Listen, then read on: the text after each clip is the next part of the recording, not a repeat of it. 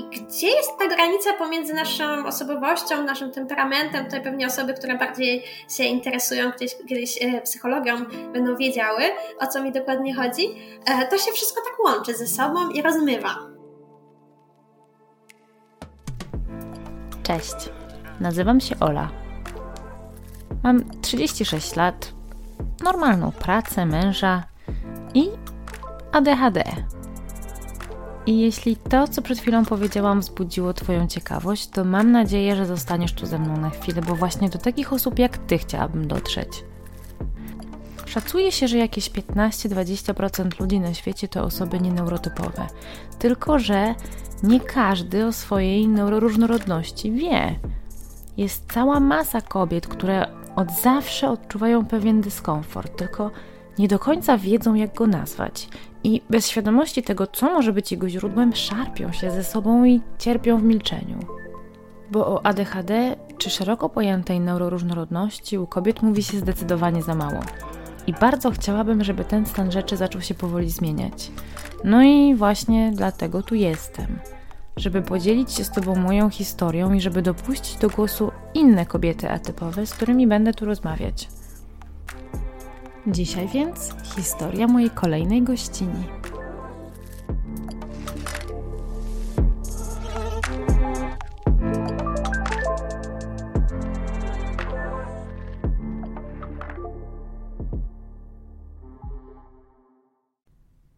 Cześć!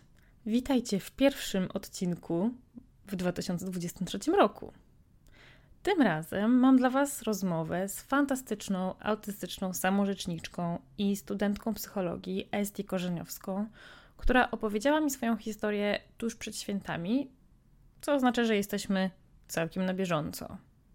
Moja rozmówczyni w tym roku skończy 25 lat i od wczesnej młodości borykała się z ciężką depresją i zaburzeniami lękowymi. Jak wiele neuroróżnorodnych kobiet, żyjąc w nieświadomości, że pod tym płaszczykiem może się ukrywać coś jeszcze – ale jej droga do diagnozy jest trochę inna niż większość historii, które mogłyście, mogliście już tu usłyszeć. Bo nie jest to droga, która prowadzi przez długie i świadome dociekania, zwieńczone autodiagnozą potwierdzoną później przez specjalistę. Esti, tak jak wiele z nas, od dość młodego wieku była pod opieką psychiatrów i psychoterapeutów, a diagnozę dostała w miarę szybko, bo już w wieku 17-18 lat. Ale, jak sama mówi, miała ją wtedy totalnie gdzieś. I jeśli chcecie wiedzieć, dlaczego tak było i co było dalej, to nie pozostaje Wam nic innego, jak posłuchać opowieści mojej gościni. A poza tym rozmawiamy tu już dość standardowo, między innymi o trudnościach w nawiązywaniu i utrzymywaniu bliskich relacji, które często towarzyszą osobom w spektrum, o tym, gdzie jest granica między naszą osobowością i neuroróżnorodnością, ale też o tym, czy Wednesday Adams i Dr. House są w spektrum i czy sam z atypowego jest dobrym przedstawicielem autystów i autystek. Tę rozmowę nagrywałam, kiedy wygrzebywałam się jeszcze z choroby i pewnie są momenty, w których to słychać, więc z góry Was za to przepraszam. Poza tym chciałabym podziękować wszystkim osobom, które zdecydowały się do tej pory wesprzeć mnie i postawić mi wirtualną kawę. To dzięki Wam mogę dbać o to, żeby to, co robię, było robione na wyższym poziomie. A jeśli chciałybyście chcielibyście mnie wesprzeć, to możecie to zrobić klikając w link, który widnieje na dole opisu tego odcinka albo w opisie profilu na moich socialach. No i już bez przedłużania, zapraszam Was do wysłuchania tej rozmowy. Cześć Esti. Cześć. Cieszę się, że mam okazję e, ze sobą pogadać, bo powiem Ci, że trochę czasu zajęło mi znalezienie kobiety, która jest w spektrum autyzmu, ale nie ma diagnozy ADHD. No, nie jest to takie oczywiste w moim przypadku, ale na razie zostawiam to e, i nie będę się nad tym jakoś bardziej zagłębiać. E, trochę się zastanawiałam nad robieniem drugiej diagnozy, a na razie jednak zostaję przy tym, czym jest. Moje myśli są zupełnie gdzie indziej, więc to, czy nie mam ADHD, to się pewnie okaże gdzieś dalej w życiu, ale na razie uznajmy, że jest tylko spektrum. No to ciekawe, bo powiem Ci, że jak przygotowałam się do naszej rozmowy, tak sobie pomyślałam, czy jak ja jej to powiem, to ona przypadkiem nie wyskoczy do mnie z tekstem, że jest w trakcie diagnozy kolejnej. Nie jest to dla mnie żadnym zaskoczeniem, ale okej, okay, na razie jeżeli, jeżeli nie jest to jeszcze coś, o czym jesteś gotowa rozmawiać, to zostawiamy to, odkładamy na półkę. Ale w takim razie chciałabym, żebyś opowiedziała mi o swojej diagnozie spektrum autyzmu. Mm, ja zawsze wychodzę od tego, jak wyglądała ta droga do, do otrzymania tej diagnozy, bo to zawsze jest najczęściej jest to długi proces. Jestem bardzo ciekawa, jak to było z tym u ciebie. E, u mnie to jest dziwna historia, bo trafiłam ogólnie do psychiatry, jak miałam 15 lat z rozpoznaniem ciężkiej depresji, stanów lękowych, no taka, taka normalka u osób w spektrum.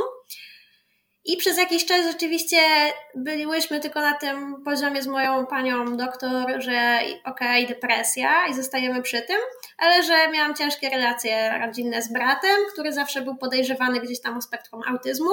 E, no to uznała, że może się warto temu przyjrzeć, ale jakoś e, tak bez bez większego skupienia, szczerze ci powiem, no bo jednak ta główne skupienie było na tym, żebym była bezpieczna. To było najważniejsze i zaopiekowana. E, a kiedy przyszedł taki okres, że no ja miałam chyba 17-18 lat, już było coraz bliżej matury i byłam totalnie wyłożona z każdej strony. E, nie chodziłam do szkoły, nie wstawałam z łóżka, nie jadłam i tak dalej. To był moment, kiedy my potrzebowałyśmy na już dla mnie nauczania indywidualnego. A co mogło pomóc? No to właśnie jest y, ta diagnoza, żeby w to wejść, y, żeby namówić jakoś ten skład orzekający w poradni na to, żeby w ostatnim momencie się na coś takiego zdecydować. I w wieku 17 lat, coś takiego, poszłam na tą diagnozę, tak naprawdę po to, żeby załatwić to indywidualne nauczanie, bo nikt nie chciał go wydać na, na sam końcówkę tak naprawdę liceum. No i tam się zaczęła zabawa. Oczywiście ja musiałam uczestniczyć w tym procesie, pomimo swojego wieku e, dziecięcym jeszcze. Więc e, ja mało wiedziałam, co się dzieje. E, miałam dużo pytań, dużo testów, tak oczywiście, ale no głównie wszystko, większość pytań było kierowanych do mojej mamy. Więc no ja byłam taka odklejona trochę od tego, co się tam dzieje. Uzyskałam tą diagnozę.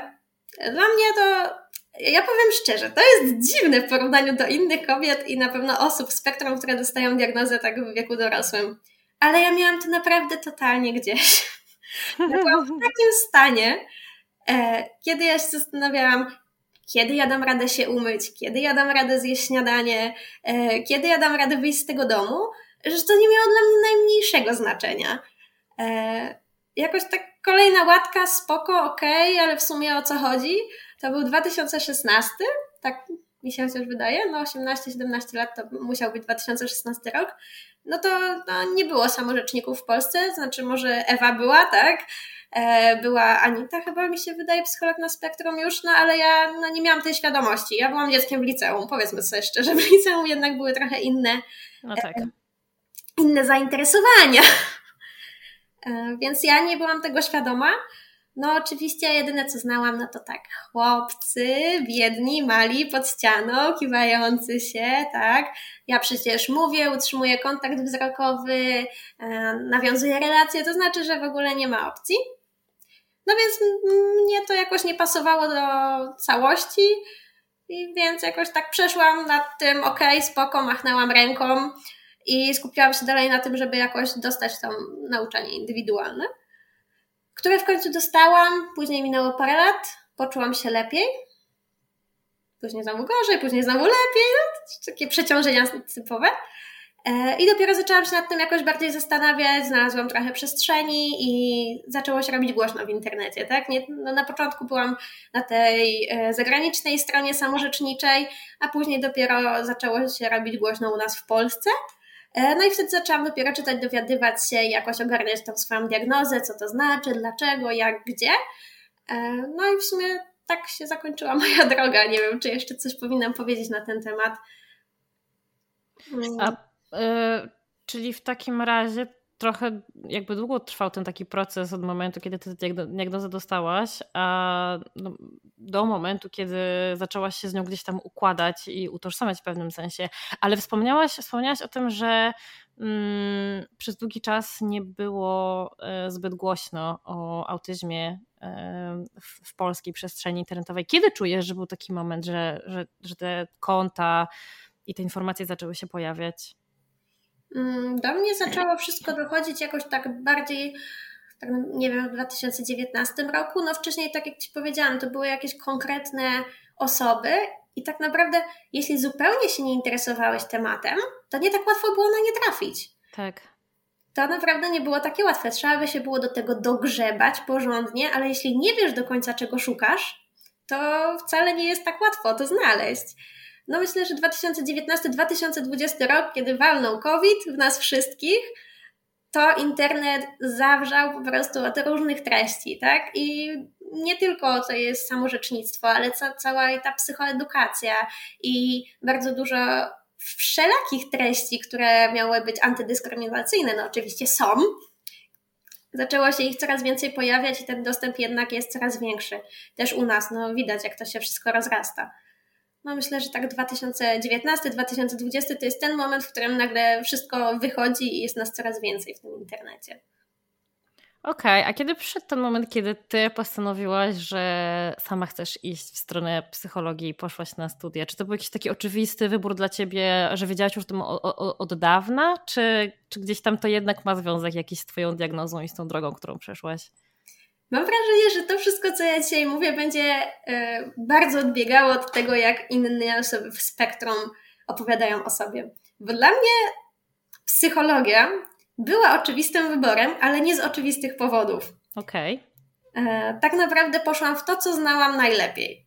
Ja jak miałam 15 lat trafiłam do psychiatry i tak naprawdę e, terapia, leki i takie zmaganie się z chorobą było dla mnie taką normalnością. Całe życie poza tym, e, te spotkania ze znajomymi, nauka, skupianie się na ocenach, e, nie wiem, budowanie właśnie relacji, e, pracowanie nad hobby, to było dla mnie nienormalne. I to było dla mnie nielogiczne. A właśnie terapia i tak dalej, i psychologia i to wszystko, to było dla mnie to, w czym ja się czułam dobrze, bo to była jedyna rzecz, na, na, tak naprawdę, na którą ja miałam przestrzeń.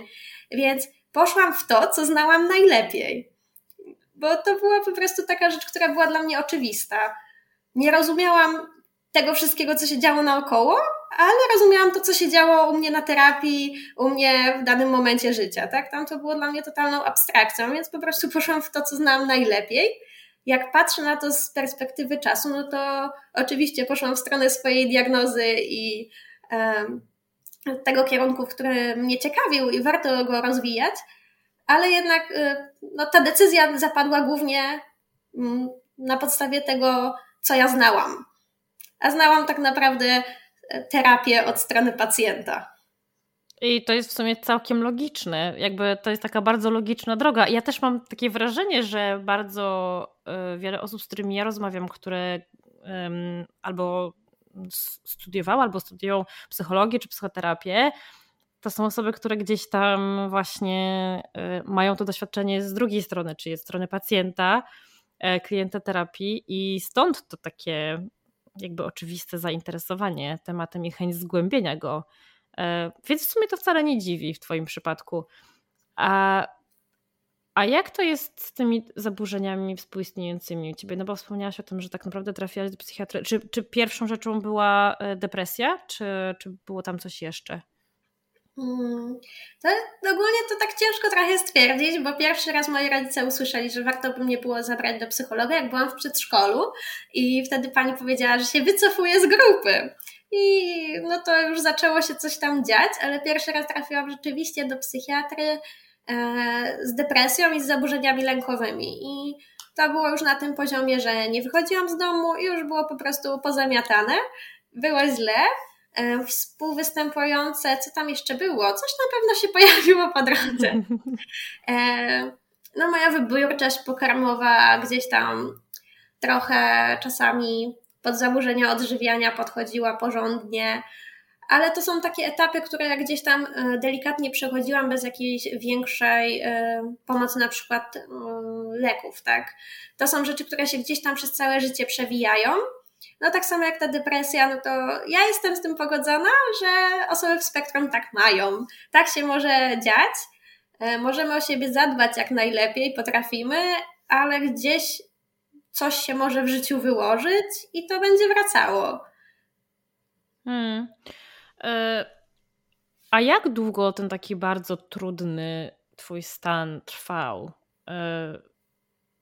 E, bo rozumiem, że pewnie natychmiast zaczęłaś e, farmakoterapię i poszłaś, poszłaś na psychoterapię, ale jak długo było tak bardzo źle? Czy może były, czy, czy to może była taka, taka sinusoida trochę, że właśnie było bardzo źle, potem było lepiej, potem było znowu źle? Mm, u mnie było Hmm. To, to jest dobre pytanie, słuchaj, bo muszę zacząć się teraz zastanawiać, jak to dokładnie było, bo to było naprawdę bardzo dawno temu. Um, przez dłuższy okres było naprawdę źle. Myślę, że tak e, rok na pewno było mega źle. E, później było lepiej i to były rzeczywiście okresy. Byłam trochę na lekach, byłam trochę bez leków, no ale jednak większość tego czasu potrzebowałam tej farmakoterapii. Mm, w którymś momencie rzeczywiście zaczynała być to taka sinusoida, tak jak mówisz, ale za każdym razem jak wracała szkoła, wszystko leciało w dół. Więc to był jeden z takich podpunktów, który totalnie mnie gdzieś tam ciągnął, jak kotwica pod wodę. I nawet jeśli było lepiej w tych okresach, kiedy było, nie wiem, mniej nauki, były wakacje i ja wracałam jakoś do życia, tak kiedy wracała szkoła, wracały natłok obowiązków, relacji, dostosowywania się społecznego i całej reszty, e, no to znowu była klapa. Więc taki okres, no tak naprawdę kiedy skończyłam 15 lat, no to są, mijają, nawracają i tak, tak sobie płynę po tym wszystkim. A co czujesz sprawiało Ci więcej trudności? Czy ta taka sfera nauki w szkole, czy bardziej nawiązywanie relacji z rówieśnikami, utrzymywanie ich? Hmm. Relacje z rówieśnikami były różne u mnie. W podstawówce na początku było super. W klasach 4-6 zrobiło się totalne bagno, bo zaczęło się robić ciężej. Dzieciaki już nie mówiły, co myślą, zaczęły się robić takie podziały, e, tak niektórzy zaczęli już tam powoli się w kimś zadłużać. Ja oczywiście nie rozumiałam, co się dookoła mnie dzieje. E, no i pod koniec podstawówki też miałam e, nieprzyjemne sytuacje, bo byłam, że tak powiem, obiektem gnębienia przez innych, no ale tak to już mają osoby, które się gdzieś tam wyróżniają. Tak. E, w gimnazjum relacje miałam o, o dziwo bardzo dobre. Ale to mam wrażenie, że po prostu była gra pod publiczkę. E, ja już wiedziałam, jak się mam zachowywać, co robić, jak, jak się maskować, e, żeby wszystko było ok. No, tak jak mówię, 15 lat to jest chyba dru koniec drugiej klasy gimnazjum w moich czasach był i początek trzeciej. Więc w liceum już się trochę pozmieniało, już ta depresja weszła bardzo mocno i już nie relacje były takim większym problemem, bo do tamtej, te, tamtego czasu no to jednak się skupiałam gdzieś dookoła tych relacji i nauka była ok, naprawdę. Nie miałam na co narzekać, ale jak weszła depresja, to nauka poleciała w dół. A kiedy byłam w bardzo niskim poziomie, tak naprawdę, swojego samopoczucia, to nie skupiałam się na niczym innym, tylko na tym, jak przetrwać na tych dwójach, jak zdobyć te dwóje, żeby móc iść dalej, żeby może podreperować cokolwiek innego. Więc te relacje w liceum nie istniały zupełnie, bo nie miałam na to przestrzeni. E, moim zdaniem nauka nie była taka zła, jeśli rozumiałam, dlaczego się tego uczę, mhm. albo po co się tego uczę, albo po prostu mnie to interesowało. Kiedy przychodziło, e, bo masz się tego nauczyć, bo to jest wzór skróconego mnożenia, bo, bo tak trzeba, e, no to, no to wtedy nauka była no kiepska. ale, ale jakoś szło. No. Rozumiem to doskonale. A y, trochę mnie tak e, ciekawi, bo mnie to zawsze ciekawi w ogóle, kwestie maskowania, zwłaszcza w przypadku spektrum autyzmu, bo w Twoim przypadku ciekawi mnie taka rzecz. Skąd Ty czerpałaś wiedzę na temat, jak to powinno wyglądać? E, ja bardzo dużo obserwowałam. Myślę, że wszystkie dziewczynki i w spektrum, i neuroróżnorodne ogólnie powiedzą to samo. Czyli po prostu obserwowałyśmy, co się działo dookoła nas. E, no i tak naprawdę metoda prób i błędów. Jeśli to się udało, to może uda się jeszcze raz. No jeśli się nie udało, no to sprawdźmy, rozpiszmy to najlepiej na kartce. Skoro to się udało, to się nie udało, to może gdyby połączyć oba razem. Więc tak naprawdę to były próby, próby, jeszcze raz próby. E, no i dużo jednak obserwowania popkultury, tak? Wszystkie filmy, seriale, książki. E, I też sprawdzałam, jak inni ludzie reagują na to, co na przykład razem oglądamy. Można okay. było to później sobie wszystko zobaczyć, tak? Jeśli oglądaliśmy razem film, później była ta chwila, kiedy siadamy i rozmawiamy o tym, co nam się podobało, co nam się nie podobało. E, no to bardzo łatwo można było to wszystko sobie później ułożyć, tak? Skoro to, to, to, to i to zachowanie było pożądane i było e, miło tak się obserwowało i wszyscy je rozumieli, no to super, to trzeba dodać tutaj ptaszek, to będziemy próbowali robić. Jeśli to było na przykład niemiłe, niekulturalne, w ogóle nie rozumiem stwierdzenia niekulturalne, ale okej, okay, niegrzeczne, uznajmy, e, no to znaczy, że może to niekoniecznie będzie e, dobrze odbierane przez innych i może niekoniecznie chce wchodzić w taką, e, w taką dyskusję. To wszystko była kwestia nauki, tak naprawdę. Hmm, to w sumie taka chyba odpowiedź, którą często można usłyszeć w kwestii maskowania, czyli właśnie raz, że obserwacja po prostu rówieśników, no a dwa e, filmy, seriale i książki. E, jedna z moich ostatnich gościń, z którą rozmowa wyjdzie za tydzień, od momentu, kiedy nagrywamy, która ma podwójną diagnozę, opowiadała mi o tym, jak ćwiczyła przed lustrem miny, mm, różne wyrazy twarzy na różne sytuacje, bo dla niej to nie była rzecz, która przychodziła jej naturalnie, natomiast oczywiście wiedziała, że jest to, jest to od niej oczekiwane, bo słyszała komentarze często nieprzyjemne, w związku z tym, że ma jakiś taki nijaki wyraz twarzy, więc po prostu siedziała przed lustrem i ćwiczyła. Tak, o tym też często słyszałam i jak rozmawiałam z różnymi osobami, no głównie z dziewczynami jednak, e, no to rzeczywiście te próby, ćwiczenia, scenki, scenki też, też się często przejawiają gdzieś w wspomnieniach. E, ja wybitnie nie lubiłam patrzeć w lustro, więc w moim przypadku to raczej by nie zadziałało, ale no, mam takie miny, które w teorii udają, tak? Mam tak opracowane, e, tak jak na przykład teraz nagrywamy, no oczywiście mnie nie zobaczycie, ale ty mnie widzisz, że ciągle się uśmiecham, nie mam żadnego pojęcia, jak powinnam wyglądać, dlatego dobrze będzie się uśmiechać, bo to jest ogólnie pozytywne, tak? Jeśli ja się będę uśmiechała, to ktoś się będzie może uśmiechał i w ogóle wszyscy będziemy sprawiali wrażenie tego, że jest, jest na ludzie. My wiemy, co robimy. Ale wiesz co... Y ja mam wrażenie, że to jest tak nie do końca tylko autystyczna kwestia, bo, bo ja mam trochę podobnie.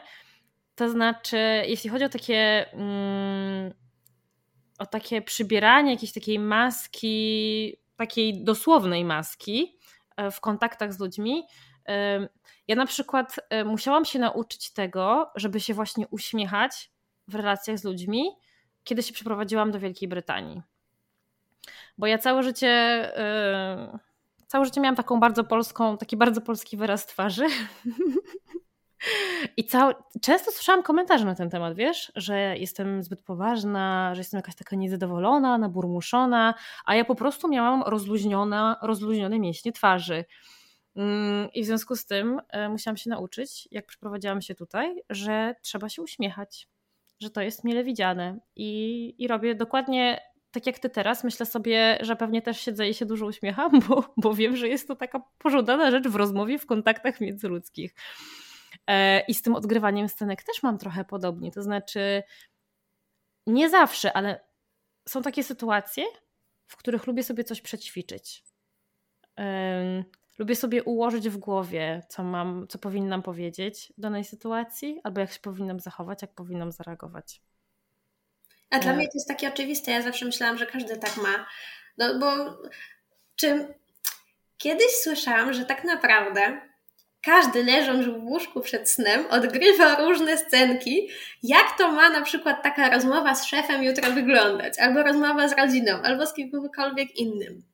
I byłam święcie przekonana, że naprawdę każdy tak ma. No bo skoro dla niektórych niektóre rzeczy są po prostu cięższe albo są stresujące, no to to trzeba przećwiczyć. No jak tak dla mnie pójście na żywioł jest totalną abstrakcją. Mm, tak, tak, rozumiem, rozumiem to. Znaczy, oczywiście, no, na pewno nie do, nie do tego stopnia, do którego, w którym ty to doświadczasz, ale jestem w stanie to w pewnym sensie, przynajmniej częściowo, zrozumieć. A co sprawiało ci taki, najwięcej takiego wysiłku, właśnie jeśli chodzi o maskowanie w ogóle? Albo co dzisiaj, w co dzisiaj wkładasz najwięcej wysiłku w związku z tym? Wcześniej największy wysiłek musiałam chyba wkładać w, mm, w szkole na przykład.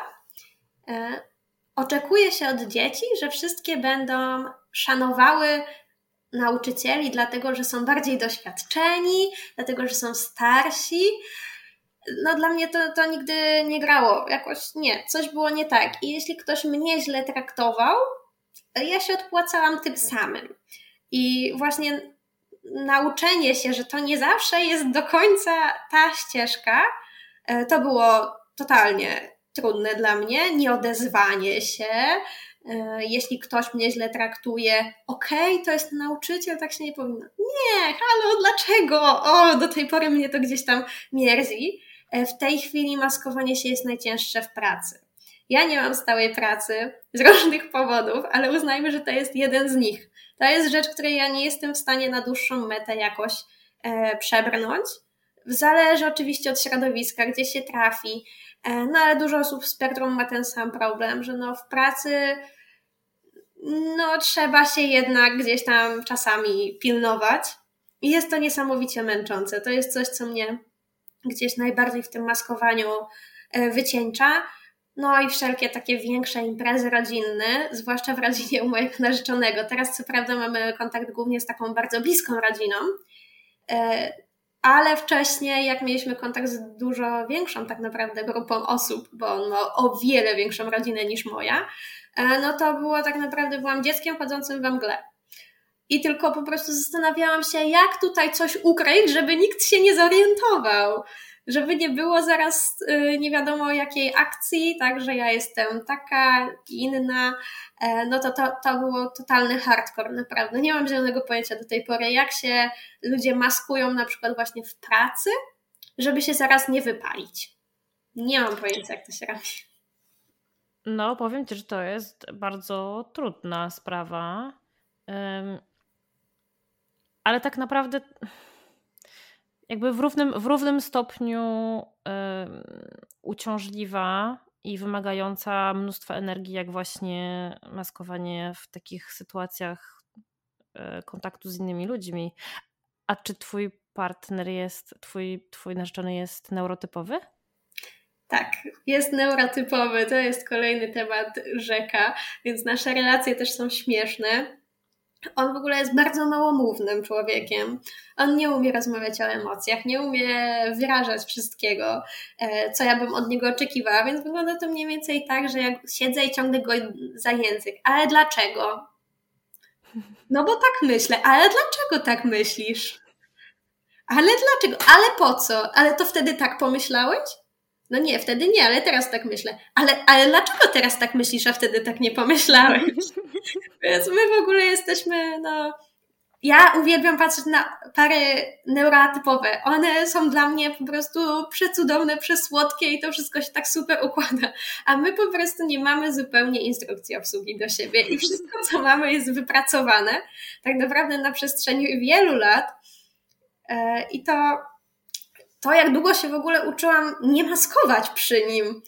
To jest niesamowite. Od samego początku był jedną z osób, które sprawiały, że czułam się najbardziej swobodnie, a ściąganie tej maski było tak ciężkie i tak długotrwałe, że do tej pory czasami, jak rzeczywiście mam z czymś problem, to zamiast powiedzieć, ej, słuchaj, tu jest źle, ja sobie z tym nie radzę, to ja nie, nie, wszystko jest w porządku, ja sobie poradzę. No ale przecież widzę, że coś jest nie tak. Nie, nie, nie, nie, nie, coś jest nie tak? Nie, no co ty, nie gadaj. Jest... O Boże, wiesz, że ja mam, ja mam dosłownie identycznie, jeśli chodzi o mojego męża, że to jest najbliższa mi osoba i ja wiem, że mogę mu w pełni zaufać i że on jest po prostu w stu procentach, wiesz, wspierający w każdej sytuacji, ale mimo wszystko bardzo często on będzie ostatnią osobą, z którą się podziela jakąś taką prawdziwą trudnością, bo ja mam takie poczucie, że ja muszę sama sobie z nią poradzić. Mam tak samo, ty, naprawdę, zupełnie tak samo. Ale czy on, twój narzeczony musi być trochę taką twoją mm, soczewką, do jakimś taką, taką lupą, którą, w której możesz y, używać przyglądając się właśnie światu ludzi neurotypowych, mimo tej swojej introwertyczności. Tak mi się wydaje chyba. Nie wiem, czy chciałby, żebym to mówiła, ale to powiem. On jest naprawdę bardzo mm, wyjątkową osobą, bardzo dziwną, e, bo jest introwertyczny zdecydowanie, mm, jest trochę aspołeczny, ale też mm, te normy społeczne, on ich nie ma tak mocno, nie są dla niego priorytetem. Czyli jeśli rzeczywiście się z kimś mocno nie zgadza, to nieważne kim jest ta osoba, czy to jest babcia, szef, czy, czy ktokolwiek inny, on rzeczywiście coś powie. Co prawda zachował o wiele więcej y, taktu niż ja, zapewne, y, ale rzeczywiście patrzenie przez niego na to, co jest pożądane, a co jest niepożądane w społeczeństwie, no to to nie wychodzi. Bo on ma tak samo czasami, y, tylko że on tego, tak jakby on jest tego świadomy. On wie, gdzie gdzieś przesadził, on świetnie wie, co się zaraz stanie e, i gdzie przeciąga pałeczkę. Ja nie mam zielonego pojęcia. Dla mnie to nie jest zupełnie intuicyjne. Ja coś powiem, nagle patrzę, ludzie się na mnie patrzą, ja nie wiem dlaczego, wszyscy są źli, o co chodzi, co się stało, co ja powiedziałam. On świetnie wie, jakie będą konsekwencje. Um, ale to pomaga. Y bycie z taką osobą, która mimo wszystko z tych konsekwencji zdaje sobie sprawę i ma jakąś taką receptę na to, jak powinno się z ludźmi robić? Wiesz co, ja nie wiem, czy to pomaga. Wiem, że to gra u mnie e, i jestem w tym wszystkim szczęśliwa, czuję się bezpiecznie. Nie mam żadnego pojęcia, czy by to zagrało u kogokolwiek innego. Nie wiem. Ja, dla mnie to jest świetne rozwiązanie, jakkolwiek to nie brzmi. I jest to jeden z takich e, z takich relacji w moim życiu, których jestem najbardziej pewna, w których czuję się najbezpieczniej, może też przez tą jego bezpośredniość tak naprawdę. Ja wiem, że on mi powie, po prostu. E, czy mi to ułatwia kontakty międzyludzkie? Raczej nie, bo czasami ja muszę mu mówić, ej, słuchaj, stary, nie, nie, nie, nie, nie bez przesady. E, ale to, to działa. To działa i nie mam żadnej wątpliwości co do tego, że to działa. A czy jesteś w stanie powiedzieć, że to jest osoba, która daje ci najwięcej wsparcia w Twoim życiu w ogóle? Tak, zdecydowanie. Bez porównania. A jak to jest, albo było, jest w, w przypadku Twojej rodziny i takich najbliższych osób z najbliższego otoczenia z tym wsparciem właśnie? Moi dziadkowie, moja babcia na pewno nawet nie wie, E, że jestem spektrum. Ona to w ogóle miała zawsze taki, mm, taką receptę na to, żebym się poczuła lepiej, jak się dowiedziała, że chodzę do psychologa, że no to wszystko dlatego, że nie jem mięsa. Tak? O, to dlatego, że nie jem mięsa, tak? E, oczywiście jeszcze trzeba wyjść i poćwiczyć na świeżym powietrzu, bo wtedy człowiek się lepiej czuje. No i oczywiście ciężka praca, tak? Jak, się, jak człowiek ciężko pracuje, to nie ma czasu chorować. No więc tak, moja babcia, ona jest naprawdę cudowną osobą i wiem, że ona mnie bardzo kocha, ale to w ogóle nie ma, nie ma sensu. A nie załapie. Nie ma po co. Mm, od strony mojej mamy rzeczywiście wsparcie mam bardzo duże. Mm, no, mój tata jest taką osobą. Hmm, jak go określić? No, która nie za bardzo w to wszystko wierzy. To znaczy, ja wiem, jak to brzmi, zwłaszcza, że teraz słuchają nas osoby, które e, rzeczywiście są bardzo świadome tej neuroróżnorodności. Ale mój tata jest taką osobą, która uważa, że niezależnie od trudności i niezależnie od przeciwności, e, jakoś musimy sobie poradzić. Tak? I takie właśnie rozdrabnianie się nad tym, jaką mamy tą trudność, nam w tym nie pomoże. Czyli trzeba się zebrać porządnie do kupy Jeśli będziemy ciężko pracowali nad sobą, tak nad trudnościami, to one znikną. No nie do końca tak to działa, ale jest taką osobą, on w to wierzy. E, wspiera mnie tak, jak potrafi. Na pewno nie wszystko rozumie, ale wiem, że, że jeśli będę go potrzebowała, to gdzieś to wsparcie uzyskam. Zrozumienie raczej nie. Mm, wiesz co, wiem, że takie osoby są, jakby mało, mało, mało mam takich osób gdzieś tam w swoim najbliższym otoczeniu, a bardziej chyba to jest strona rodziny mojego męża, bo tutaj czuję, że um, zwłaszcza ojciec mojego męża ma bardzo podobne poglądy. Ja też myślę, że to jest często kwestia pokoleniowa. No jakby umówmy się, nasi rodzice nie mieli szansy na psychoedukację i jeżeli się zainteresowali tematem gdzieś tam w, w, bardzo dorosłym życiu, to fajnie, a jeśli nie, to nic dziwnego w tym nie ma. Um, ale to ciekawe jest, nie? W momencie, kiedy żyjemy tutaj sobie w takiej bańce, gdzie nam się wydaje, że zdrowie psychiczne to jest po prostu taka kwestia, o której wszyscy wiedzą i mówią, i nagle się okazuje, że w naszym otoczeniu są osoby, które uważają, że które w to nie wierzą. To jest w ogóle to, nie? Że nie wierzyć w to, e, to wcale nie jest takie oczywiste. Ale jakby wiesz, no najważniejsze, że to, to jest to, co mówisz, że, że bez względu na to, co twoi rodzice myślą i co wiedzą, to że wspierają cię obydwoje mm, na jakiś tam swój sposób, na tyle, na ile mogą bo to nie do końca zawsze jest oczywiste, zwłaszcza w przypadku osób neuroróżnorodnych.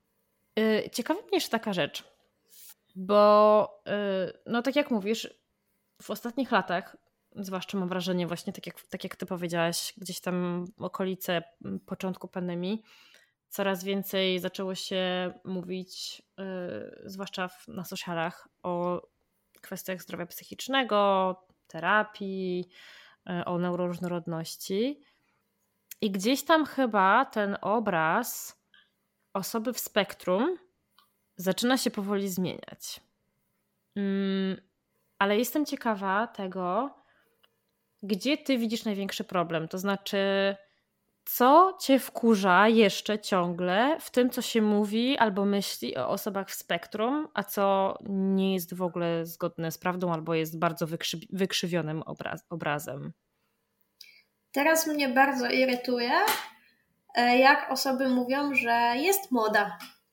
Oczywiście była moda na depresję, to już wszyscy, mam wrażenie, że wszyscy już powoli łapią, że nie było mody, ale no tak jak mówisz, jesteśmy w swojej bańce, tak?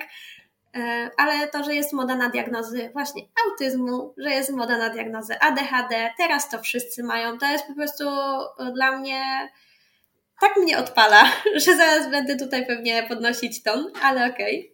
To jest jedna z takich rzeczy, które mam wrażenie, że się nie zmieniają i nieważne ile się mówi, to one się tylko napędzają, bo skoro więcej osób o tym mówi, to znaczy, że no właśnie ta moda jest, tak?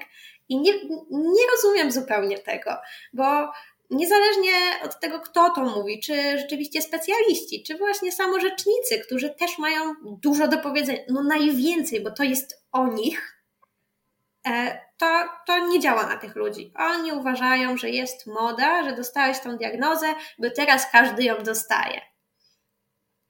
Mm, z czym jeszcze jest teraz duży problem nadal? Mam wrażenie, że to E, to, że ludzie myśleli, że tylko chłopcy mają autyzm, już powoli zanika. Jest już nas wystarczająco dużo i wystarczająco głośno mówimy, i osoby, które są gdzieś bardziej rozpoznawalne, e, też mówią o swojej diagnozie. To już powoli gdzieś tam zanika. Mm, myślę, że jeszcze jest dużo takiej dyskryminacji w szkole, w tym stopniu, że jeśli jesteś, no właśnie, na E, w szkole normalnej, tak? Nie jesteś w szkole specjalnej, nie masz e, wspomagającego nauczyciela i tak dalej, e, no to znaczy, że w spektrum nie jesteś, bo jakbyś był, to byś sobie nie radził, tak? I tak samo jest z ADHD i z innymi zaburzeniami, tak? Oczywiście ja jest, mnie jest bliżej do, do pojęcia neuroróżnorodności niż zaburzeniami, niż zaburzeń, ale no, też powiem szczerze, że mogę czasami wymieniać te terminy nie dlatego, że e, uważam, że autyzm jest zaburzeniem, e, tylko dlatego, że po prostu tak dużo czytam aktualnie książek naukowych i tak dużo się uczę na studiach, że gdzieś mi to może się e, po prostu przewijać. Więc niech to będzie powiedziane, jak dla mnie autyzm jest innym okablowaniem, a nie zaburzeniem. A to, jak jest w książkach, to jest inna kwestia. Czasami, czasami też stosowanie tych utartych takich wyrażeń trochę ułatwia ten dyskurs, no bo jakby wszyscy, wszyscy, wszyscy wtedy wiedzą o czym mowa. Chociaż no rzeczywiście, ja też, ja też jakoś nie jestem specjalnie fanką mówienia o tych kwestiach jako zaburzeniach, bo to jest jednak, zaburzenie ma taką konotację bardzo negatywną i właśnie mm, odbiegającą od normy. Tak samo jest trochę z neuroatypowością, nie? Samo słowo neuroatypowy pokazuje, że jest jakaś norma i jakaś atypowość, nie? Mm, chociaż tak się nazywa mój podcast, atypowe. Ale tak, mi chyba też jest bliżej do pojęcia neuroróżnorodności w ogóle, chociaż bywa trudne do wymówienia. Ale właśnie, a propos nazewnictwa w takim razie, bo to też jest taka kwestia, która może sprawiać trudności osobom, które chcą dobrze, ale nie wiedzą jak. No to jak? Jak mówić o tym autyzmie, żeby mówić dobrze, żeby mówić zgodnie z jakimiś takimi powszechnie mm, zgodnie z, z, z obecnym stanem wiedzy, o tak. E, jeśli się mówi do osoby w spektrum autyzmu, myślę, że najlepiej się jest po prostu jej zapytać, jak sobie życzy, żeby do niej mówić. Bo jest bardzo różnie. Ja bardzo lubię, znaczy bardzo lubię, ja preferuję, jak ktoś mówi, że jestem osobą autystyczną, albo jestem autystką, e, albo jestem w spektrum, ale jak ktoś mówi, że jestem osobą z autyzmem, to się czuję trochę taka rozczłonkowana. No bo tak, okej, okay, jestem osobą, ale mam jeszcze autyzm. No nie do końca, nie, ja się utożsamiam, jestem całością.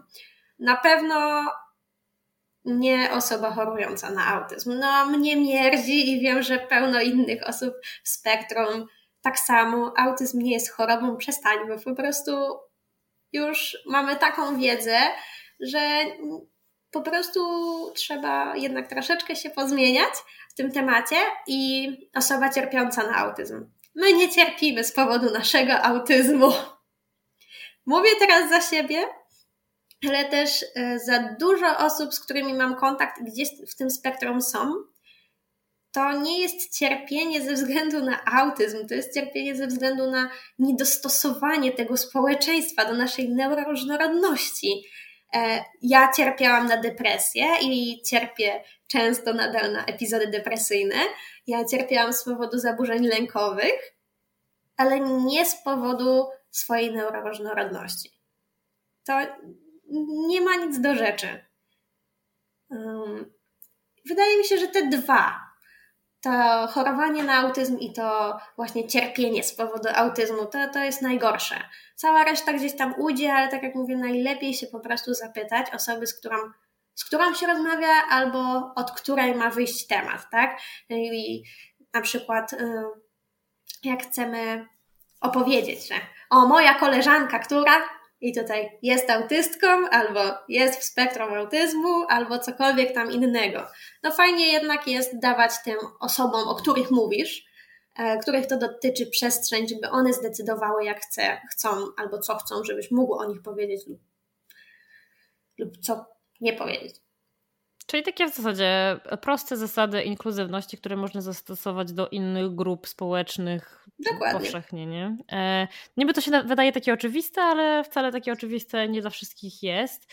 A, a propos tej choroby, e, przypomniało mi się, że jakiś czas temu gdzieś e, na jakiejś grupie, chyba na Facebooku, e, pojawiła się informacja o nie pamiętam, czy to była dziewczynka, czy chłopiec, nastolatek albo nastolatka, chyba była dziewczynka, która zaginęła i były, e, trwały poszukiwania. Mm, I gdzieś tam w opisie tej sytuacji i tej osoby pojawiła się informacja o tym, że ma autyzm. I komentarze pod tym postem wyglądały w przeważającej większości tak. No tak, i jeszcze dodatkowo osoba niepełnosprawna intelektualnie.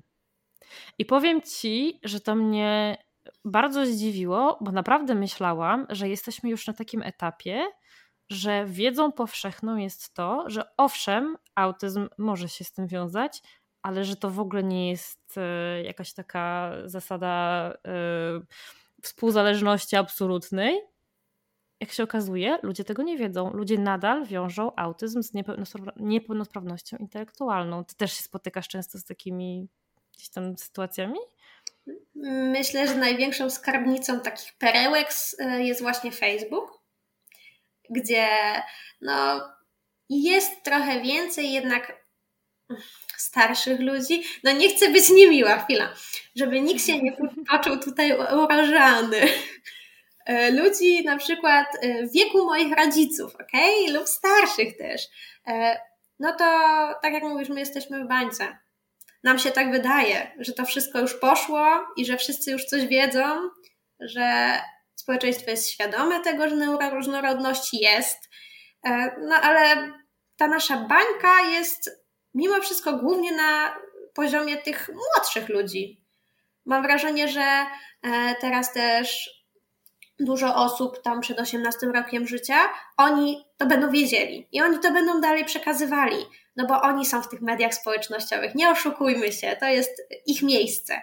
Ale te osoby, które są w wieku naszych rodziców, mam wrażenie, że to do nich nigdzie nie dotrze, bo jeśli oni się nie zainteresują, albo ich dzieci nie przyjdą do nich i o tym nie będą rozmawiać, a powiedzmy, że to nie są łatwe tematy, więc jeśli ktoś nie ma w tym żadnego mm, takiego, nie chcę powiedzieć osobistego interesu, tak, ale jeśli e, ktoś hmm, ładnie powiedzieć.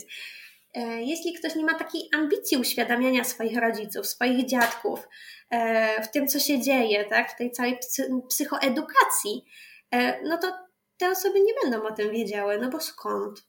One mają dostęp do telewizji, mają, czytają gazety, tak, oglądają filmy, chodzą do teatru, niektórzy, niektórzy nie, okej, okay.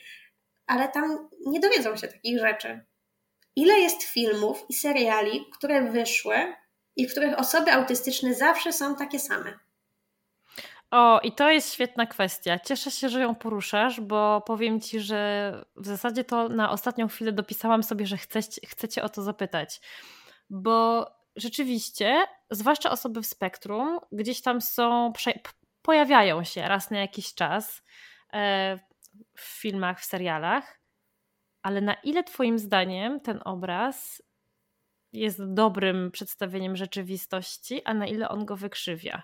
Ja chyba takim najlepszym przykładem jest, um, czy, czy po polsku ten serial został przetłumaczony po prostu na atypowy? Tak, tak, jest atypowy. I teraz jest jeszcze, jeszcze jeden Netflixowski serial o doktorze. Nie wiem, jak, jak, jaki jest tytuł. To chyba nie widziałam. E, wiem, że są trzy sezony. Wiesz co? Mam wrażenie, widziałam trochę tych filmów, właśnie o tematyce, nie chcę powiedzieć o tematyce, ale gdzieś, gdzieś ten temat spektrum autyzmu się przewija. I mam wrażenie, że jednak w atypowym jest tego wszystkiego najlepiej.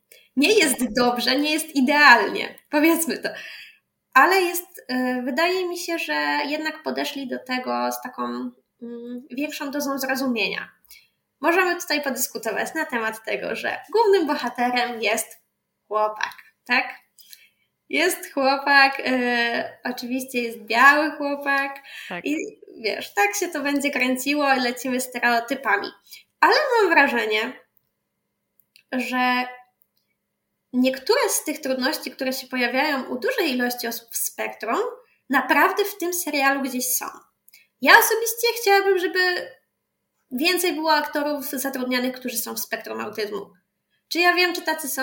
Kiedyś właśnie się mnie znajomy zapytał, a skąd wiesz, że na castingu nie było osoby w spektrum autyzmu, tylko po prostu nie była w tym dobra. A ja, no nie wiem, nie mam zielonego pojęcia, ale chciałabym, żeby taka osoba mogła dostać pracę, jak już tam pójdzie bo kto lepiej zagra coś, co ona przeżywa? No, ona wtedy nie musi grać.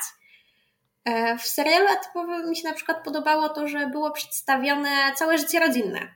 Nie skupiali się na, tym, na tej osobie w spektrum, nie skupiali się na tym chłopaku głównie, ale na przykład, co mogła przeżywać jego rodzina, co mogła przeżywać jego siostra, co mogła przeżywać jego mama, co mógł przeżywać jego tata, jak on się usamodzielnia. To było super. Czy było trochę takich ableistycznych momentów? Oczywiście, że tak, ale jak dla mnie to jest dobry krok. To nie jest idealne.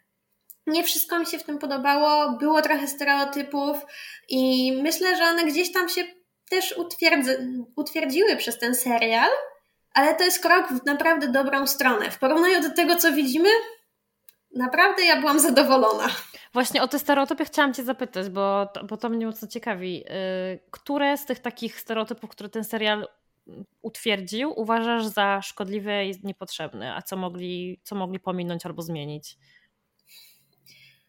Myślę, że mm, bardzo mocno skupili się na nadwrażliwości na dźwięk. Nie jest to stereotyp w żadnym stopniu, ale y, jest masa osób w spektrum, które mają na przykład niedowrażliwość dźwiękową. I myślę, że to byłoby fajne, jakby to też pokazać, e, no bo zawsze skupiamy się, kiedy mówimy o zaburzeniach sensorycznych w spektrum autyzmu, zawsze skupiamy się na tym, jak ktoś ma nadwrażliwość. Ale są też ci ludzie, którzy mają niedowrażliwość i czemu by na przykład teraz tego nie pokazać? Bo widzimy, dużo osób chodzi w słuchawkach wygłuszających. Okej, okay to skoro mamy taką możliwość pokazania czegoś większej grupie odbiorców, większej ilości ludzi, to może pokażmy, że to ma też drugą stronę medalu. To byłoby super. Jakie tam są jeszcze stereotypy? Tak jak mówię, chłopak. Nie będę się oczywiście do tego przyklejała jakoś niesamowicie, bo mamy pełno chłopaków, e, osób w spektrum tak innej płci niż żeńskiej, więc nie będę tutaj teraz e, się jakoś niesamowicie nad tym rozwodzić. Fajnie by było, jakby to była dziewczyna lub osoba innej płci. Super by było, ale, ale już niech będzie, tak? E, sam, czyli główny bohater, e, był mocno skupiony na nauce, a osoby w spektrum wcale nie muszą być jakoś niesamowicie skupione na nauce. Mają swoje special interest, tak? E, co, w czym są świetne i co ich pochłania, ale to nie musi być matematyka. Ustalmy to sobie. To nie musi być matma, E, ja na przykład byłam beznadziejna z matematyki. Ja w pierwszej klasie liceum miałam poprawkę z matematyki, więc jeśli ktoś mi mówi, że osoby w spektrum są świetne z matmy, to ja mnie się osobiście chce śmiać. Hmm. Myślę, co jeszcze mogło być tam takim stereotypem, ale powiem Ci, że teraz, jak próbuję sobie przypomnieć, to naprawdę nie skupiałam się tak na tym. Ja myślę, że też miałam dużo wyrozumiałości do tego serialu. Naprawdę widziałam całość i nie skupiałam się na tym, że o właśnie to jest chłopak. No, ja nie będę tego oglądała, bo głównym bohaterem jest chłopak. No nie, chciałam zobaczyć, jak to się dalej rozwinie i powiem Ci, że naprawdę moim zdaniem nawet nieźle. Okej. Okay. Coś na 10. No to całkiem nieźle. A co myślisz o takich serialach czy filmach, które mm, gdzieś tam pokazują albo inaczej, których bohaterowie przejawiają pewne cechy neuroróżnorodności, e, ale które nie są w żaden oczywisty sposób nazwane. Ostatnio bardzo dużo wszyscy mówią o tym, że Wednesday jest e, w spektrum autyzmu. Czy miałaś już okazję oglądać? Oglądałam już Wednesday i powiem Ci, że moim zdaniem nie jest w spektrum autyzmu. Okej, okay, czemu? E, bo ona świetnie sobie zdaje sprawę z norm społecznych. Ona o tym wie. To nie jest kwestia niewiedzy. To, że ona się nie lubi przytulać, możemy, możemy sobie mówić, że to jest kwestia zaburzeń sensorycznych. Ale skąd my to mamy wiedzieć? Niektórzy się po prostu nie lubią przytulać. Tak. E, trudności tak naprawdę w relacjach nie są związane tylko ze spektrum autyzmu. Myślę, że szukamy tej neuroróżnorodności, E, w różnych miejscach, tak, w filmach, książkach i tak dalej. To jest super. Ale moim zdaniem Wednesday nie była jedną z takich osób. Może to jest też kwestia tego, że ja znam wiele e, tych odsłon Wednesday Adams i to, jak ta była pokazana, nie jest e, jedynym, jedyną drogą, przez jaką ja widzę tą postać. To nie jest mhm. moje pierwsze zetknięcie z nią. Ja pamiętam też y, i bajkę, i pamiętam poprzednie filmy, i wszystko, i też nie patrzę na to tylko przez pryzmat tego serialu, który teraz wyszedł. Czy była neuroróżnorodna? Nie mam zielonego pojęcia. Moim zdaniem ogólnie produkcje Tima Bartona zakrawają naprawdę bardzo dużo ciekawych tam wątków i neuroróżnorodność na pewno się tam pojawia. Ale czy Wednesday była autystyczna? No nie wiem, nie jestem co do tego przekonana. A czujesz, że w tych innych odsłonach, w tych wcześniejszych, tej neuroróżnorodności było więcej u niej? Hmm, wiesz co? Możliwe, że tak. Nie powiem ci, z którego roku był, yy, ja oglądałam Adamsów. Nie mam żadnego pojęcia. Pamiętam, że byłam mała i wydaje mi się, że gdzieś to było mm, mocniej widoczne. Tak, tutaj w tych w ogóle produkcjach Netflixowskich jest bardzo fajne zwracanie uwagi na różnorodność ludzi. To jest super. Ale mam wrażenie, że w poprzednich Adamsach Wednesday była naprawdę przedstawiona bardziej w stronę spektrum niż w tej chwili. Hmm. Jeśli ktoś y, oglądał poprzednią wersję, to niech mi powie dlaczego, bo ja nie pamiętam, bo byłam naprawdę mała, ale ta, tak mi gdzieś głowa podpowiada, takie mam wspomnienia, że ta postać była troszeczkę jednak bardziej w tą stronę spektrum. Jeśli już chcemy już e, rozmawiać na temat tego, że Wednesday była e, w spektrum autyzmu. To jest ciekawe, co mówisz, bo ja też mam takie, tak mi intuicja podpowiada, że tak było, ale, ale, ale bardzo mało pamiętam mm, z tych poprzednich wersji, więc może to jest czas, żeby sobie odświeżyć rodzinę Adamsów właśnie i obejrzeć ją pod tym kątem. A zdarza Ci się właśnie oglądać filmy i seriale, które właśnie pokazują takie osoby, które gdzieś tam oscylują o, o kwestie neuroróżnorodności, ale nie są tak nazwane i tak, takim się przyglądać pod tym kątem i je diagnozować w cudzysłowie? Tak, ja w ogóle ja bardzo lubię oglądać i wybierać filmy, seriale z moim narzeczonym, bo on zawsze mi strzela takie rzeczy, których ja nigdy w życiu bym nie obejrzała. Nie miałyśmy mówić o serialach, ale ja bardzo chętnie o się wypowiem. Mnie to bardzo cieszy, bo bardzo mi się podoba ten kierunek, w którym idziemy. Mm. I na przykład ja uważam, teraz fani Stranger Things, wyprowadźcie mnie z błędu, że Robin była osobą neuroróżnorodną. Dla mnie w stu procentach. Dobra, a co za tym przemawia Twoim zdaniem? Mm. Między innymi jej roztrzepanie. Tak. Moim zdaniem dyspraksja tam jest na poziomie. E, w ogóle sposób mówienia, sposób poruszania się, może to trochę takie wyobcowanie też, ale mogło ono oczywiście wynikać z homoseksualizmu, tak? Tak na nią patrzę i widzę gdzieś jednak ten kawałek siebie. Y, I nie tylko siebie, bo mam też znajomych, którzy mają ADHD i gdzieś ona mi się wpisuje w to wszystko. Ona gdzieś, gdzieś ją czuje w tym. Mm, myślę, że jak. Nie, nie, dobra, bez spoilerów. Ja nie wiem, czy oglądaliście. Bez spoilerów. Nie będę mówiła scen. Ale jeśli oglądaliście Stranger Things lub macie zamiar obejrzeć, spójrzcie na nią i dajcie znać, koniecznie, bo jestem ciekawa, czy to tylko moje wyobrażenie, czy nie. Muszę teraz wrócić pamięcią i powiem Ci, że jak skończymy nagrywać, to tak sobie usiądę i e, pomyślę o tym pod tym kątem. A ja bardzo często, ja w ogóle, to jest, to jest mój ukochany serial, do którego wracam najczęściej. To jest takie moje comfort TV, do którego wracam tak w okresie właśnie przedświątecznym. Kochane kłopoty, Gilmore Girls. I moim zdaniem tam całe to miasteczko i obie, y, obie mama i córka są gdzieś tam w spektrum neuroróżnorodności. Y, oglądałaś? Nie, nie, nie oglądałam, nigdy się do tego nie dopchałam. Tak patrzę czasami na tą ikonkę na Netflixie y, i się zastanawiam, powiem Ci. Ale ja oglądam rzeczy, które już widziałam. O, to ja też. Ja w kółko powtarzam to samo I na przykład e, mój ulubiony serial, e, który stał się totalnie moim pierwszym, chyba takim większym, świadomym special interest, to był Doctor House. To, ile ja go razy widziałam od początku do końca, myślę, że to by było kilkanaście.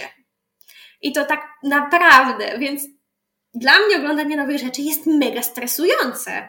Ja w ogóle nie, nie wiem, dlaczego to jest dla ludzi dziwne. Tak jak mój narzeczony, no chodź obejrzymy coś nowego. Ale po co? Ale nie możemy obejrzeć tego, co już widziałam. To ja mam bardzo podobnie, no właśnie między innymi dlatego tak wracam do tych kochanych kłopotów. To jest, to jest po prostu coś, co ja dobrze znam i wiem, że zawsze poprawi mi humor.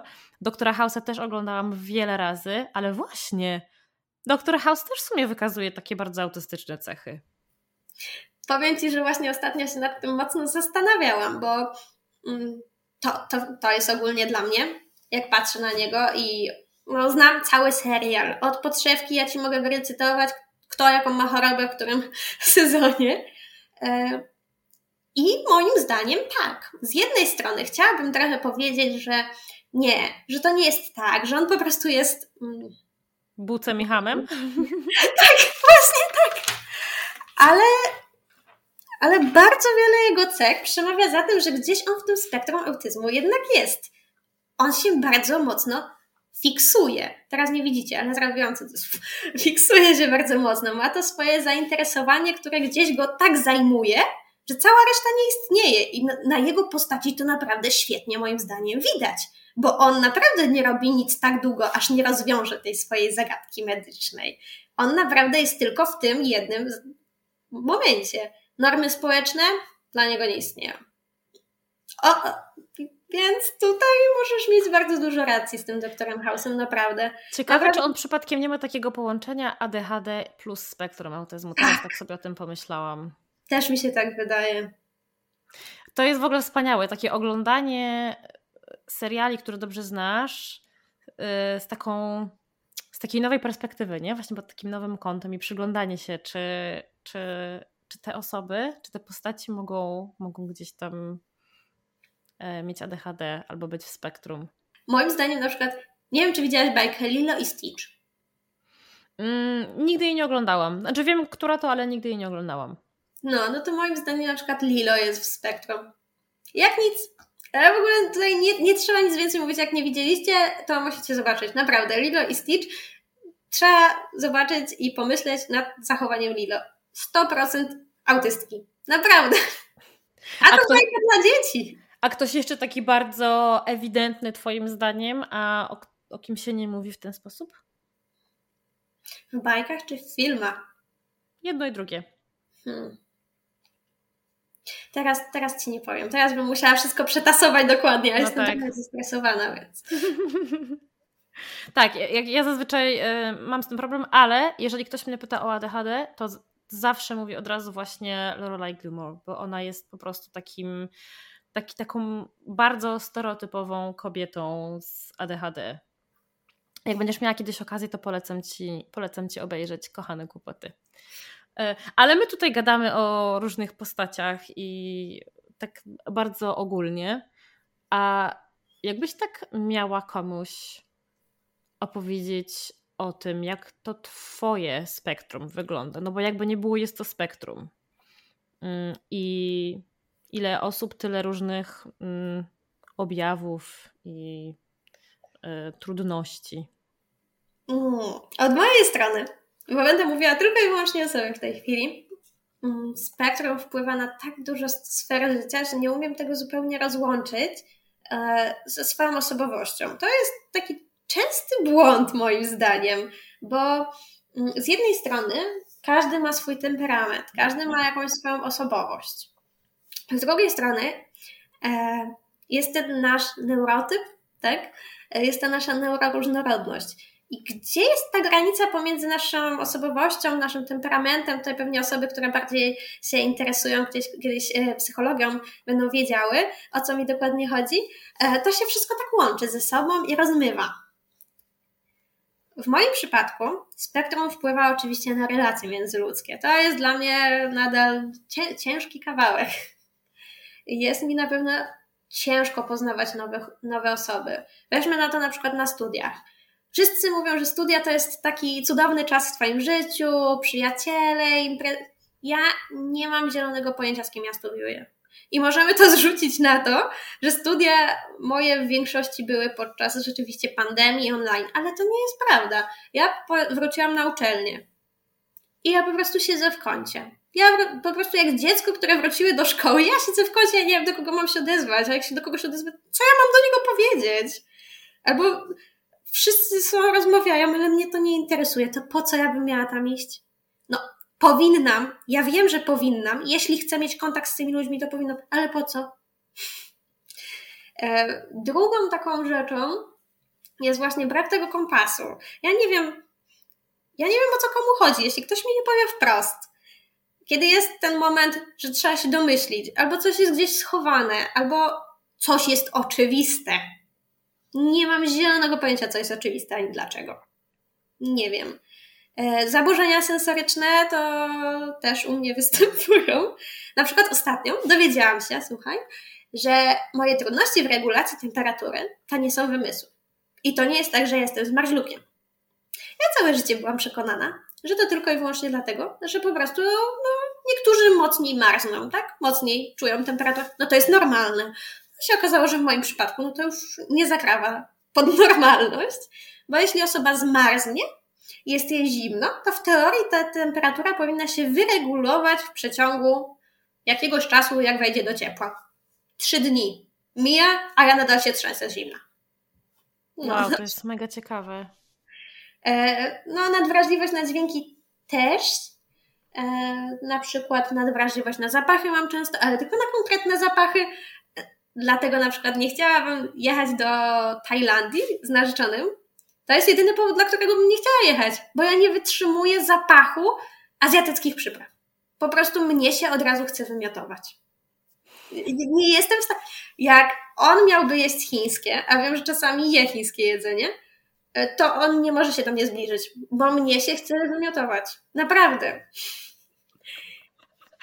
I to jest, to jest straszne, bo o ile z nadwrażliwością na dźwięki jesteś w stanie coś zrobić, możesz po prostu założyć sobie zatyczki albo słuchawki wygłuszające, o tyle z nadwrażliwością na zapachy już nie bardzo jest co zrobić, nie? No, to tak. To jest ciężkie, zwłaszcza jak się idzie gdzieś, nie wiem, przez miasto albo coś trzeba załatwić, a ktoś obok ciebie stoi, kto na przykład bardzo duszące perfumy. Każdy z nas to zna, niezależnie od neurotypu, każdy z nas to zna. Ale wtedy, kiedy zaczynają się zawroty głowy i chce ci się wymiotować, no już się robi trochę niebezpiecznie. I trzeba się czasami wycofać. I tak jak niektóry, dla niektórych to chce mi się wymiotować, będzie się wydawało teraz dziwne. I będzie się takie totalnie abstrakcyjne. Ale tak, osoby w spektrum z nadwrażliwością na właśnie zapachy, tak, one są w stanie zwymiotować. Naprawdę, tak samo jak z nadwrażliwością na różne struktury podczas jedzenia. To, to nie jest nic nadzwyczajnego w tym spektrum. To naprawdę się zdarza i to nie jest przesada. A tak ludzie często mi mówią, weź ściągnij te słuchawki, przesadzasz, przecież nie jest tak głośno. No, dla mnie jest, tak? Albo ten zapach naprawdę mi przeszkadza. To nie jest tak, że mnie się wydaje, że on mi przeszkadza. Nie, on naprawdę mi przeszkadza. I dlaczego inni tego nie umieją zrozumieć? I ja myślę, że z tym jedzeniem to jest takie ciekawe, bo to jest naprawdę coś, czego ludzie nie potrafią zrozumieć, o ile nigdy tego nie przeżyli. Bo y, dla mnie też to, ja jestem osobą, która potrafi jeść wszystko. Y, nie ma takiego smaku, takiej, takiej konsystencji, której ja nie lubię. Ja po prostu kocham jeść.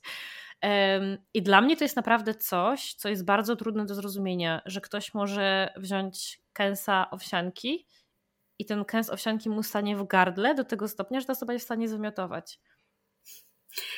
No ja mam tak z owsianką właśnie, że totalnie nie jestem w stanie. Sam smak? Okej. Okay. Konsystencja? No po prostu umrę, jak to wezmę do buzi. E, w większości nie mam takich trudności. Znaczy, tak mi się chociaż wydaje, bo wybiórczość pokarmową to ja mam z pewnością. E, ale pierwszy raz zdałam sobie sprawę z tego, jak bardzo jestem wrażliwa na strukturę jedzenia kiedy mieszkaliśmy z moim narzeczonym, z moim bratem i jego narzeczoną, no to po prostu podczas pandemii, powiedzmy sobie to. I ktoś przyniósł pudding e, z nasionami chia, tak? Mhm. Okay. I tam było, chodź Esti, spróbujesz, spróbujesz. I kiedy wzięłam to do buzi, byłam w 100% przekonana, że po pierwsze uduszę się, po drugie chyba zwymiotuję, po trzecie, ja już miałam mroczki przed oczami i myślałam, że to mój koniec. Naprawdę. A to były tylko, to był pudding.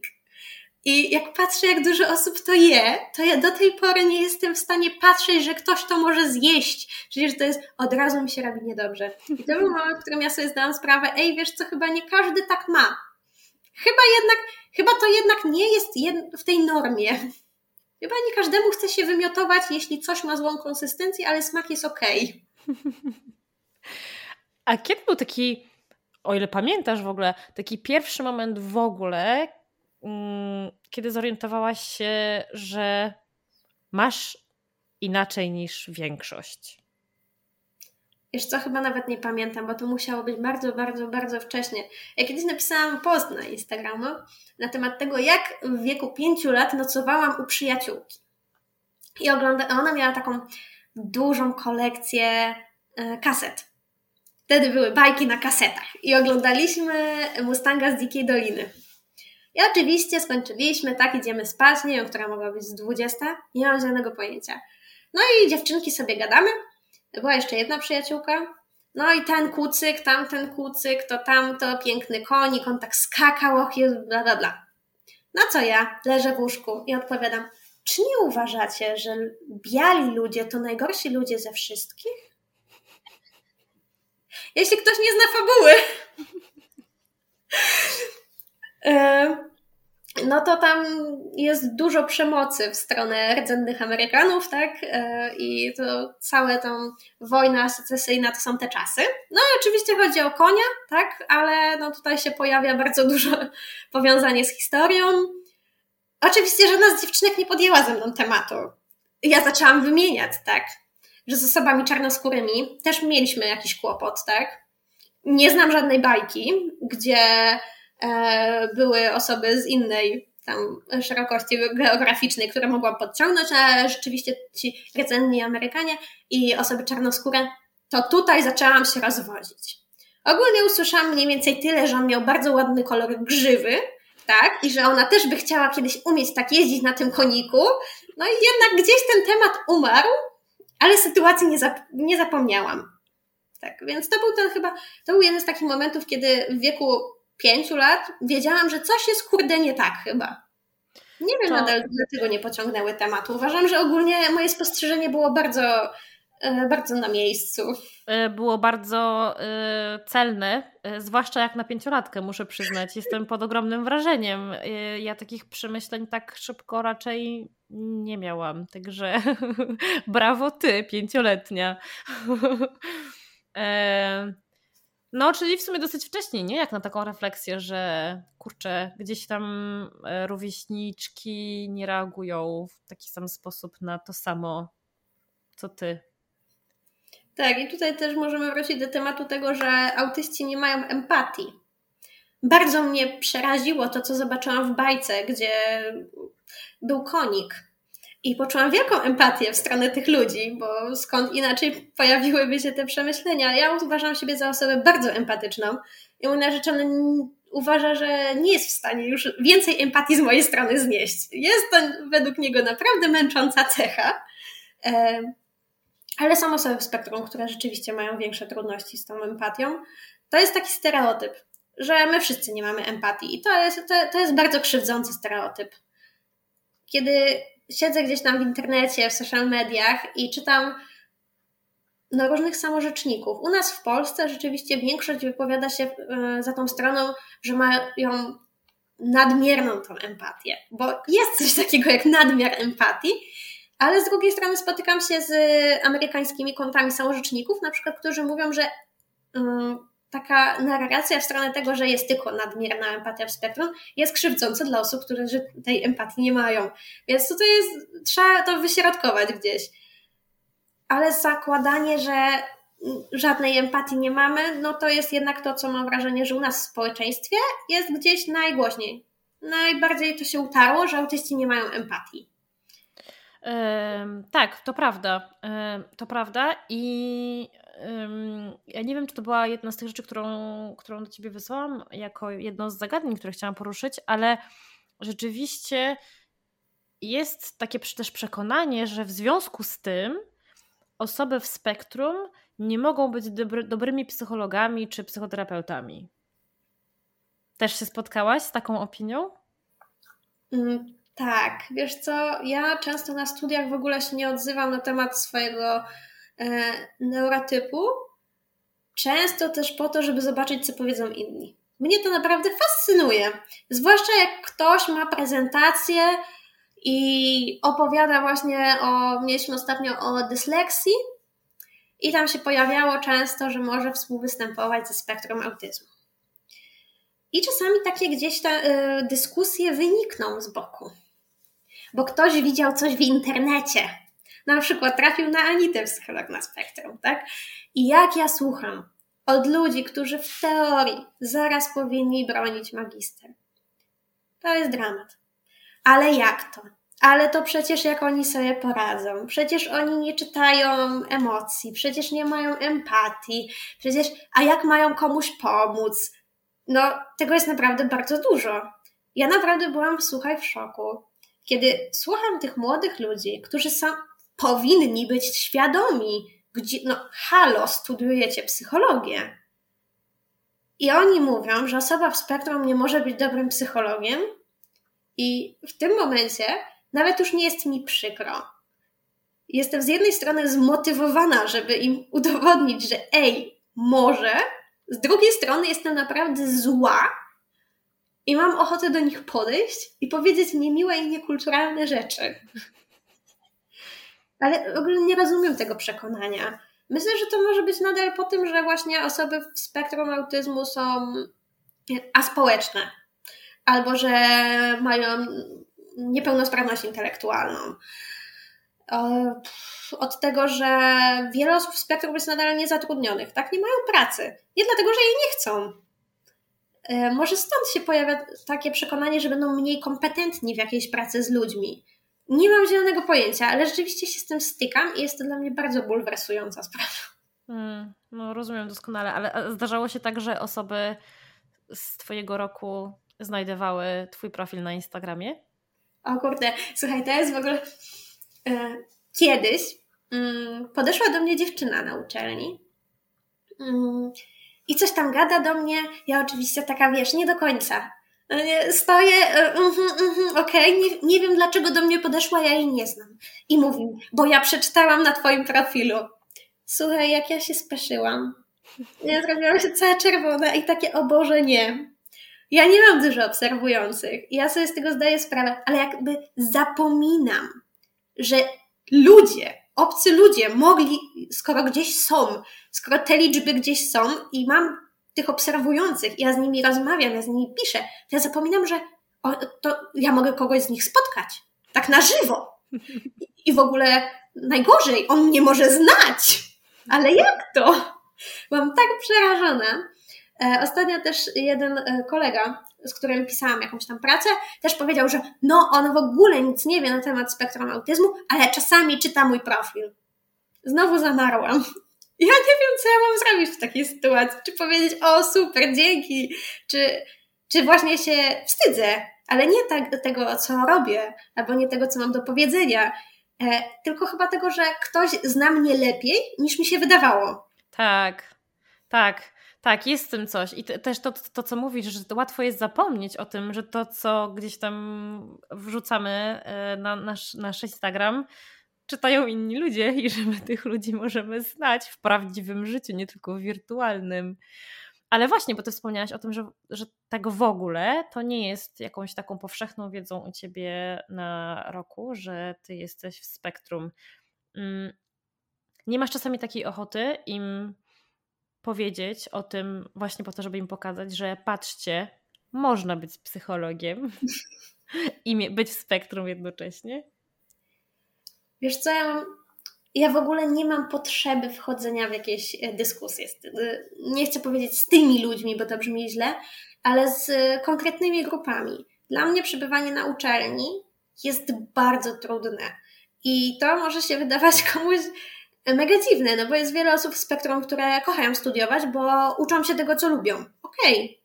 Ja bardzo lubię to, czego się uczę, ale samo przebywanie na uczelni jest dla mnie tak męczące, że wchodzenie w dodatkowe właśnie na przykład dyskusje jest dla mnie za dużo. Ja po prostu sobie z tym nie poradzę, mnie to przeciąży i ja popłynę. Mnie nie będzie. Dlatego często nie mam na to siły. Moim zdaniem na takie właśnie dyskusje, e, pokazywanie siebie, e, na takie wychodzenie z tego szablonu, na to trzeba mieć naprawdę bardzo dużo siły. I to, że jesteśmy samorzecznikami gdzieś w internecie, e, to jednak ludzie sobie nie zdają z tego sprawy, że to wcale nie jest takie, a bo ja napiszę tylko o sobie, albo ja coś tam zrobię. Na to naprawdę trzeba mieć bardzo dużo siły, bo może ja się nie spotykam z takim hejtem, ale z niemiłymi komentarzami rzeczywiście czasami tak. Albo jeśli piszesz o swojej depresji, musisz być gotowy na to, że ludzie opiszą ci swoją.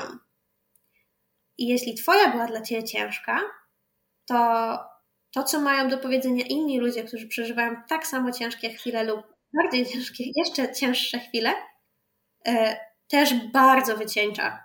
Tak. I dla mnie właśnie rozpoczęcie dyskusji na studiach, kiedy ja nie, nie dam rady po prostu czasami. Czasami wstaję, mówię, ej, słuchajcie, halo, a czasami siedzę i jest mi wstyd za to, że nie mam siły wstać i walczyć o tą naszą neuroróżnorodność. Tak, wiesz co, ja myślę sobie, że um, o tym też jest łatwo zapomnieć. O tym, jaką ty um, z jednej strony odpowiedzialność niesiesz na barkach, mówiąc o takich rzeczach, bo czytają cię osoby, które, które się utożsamiają z tym, o czym piszesz.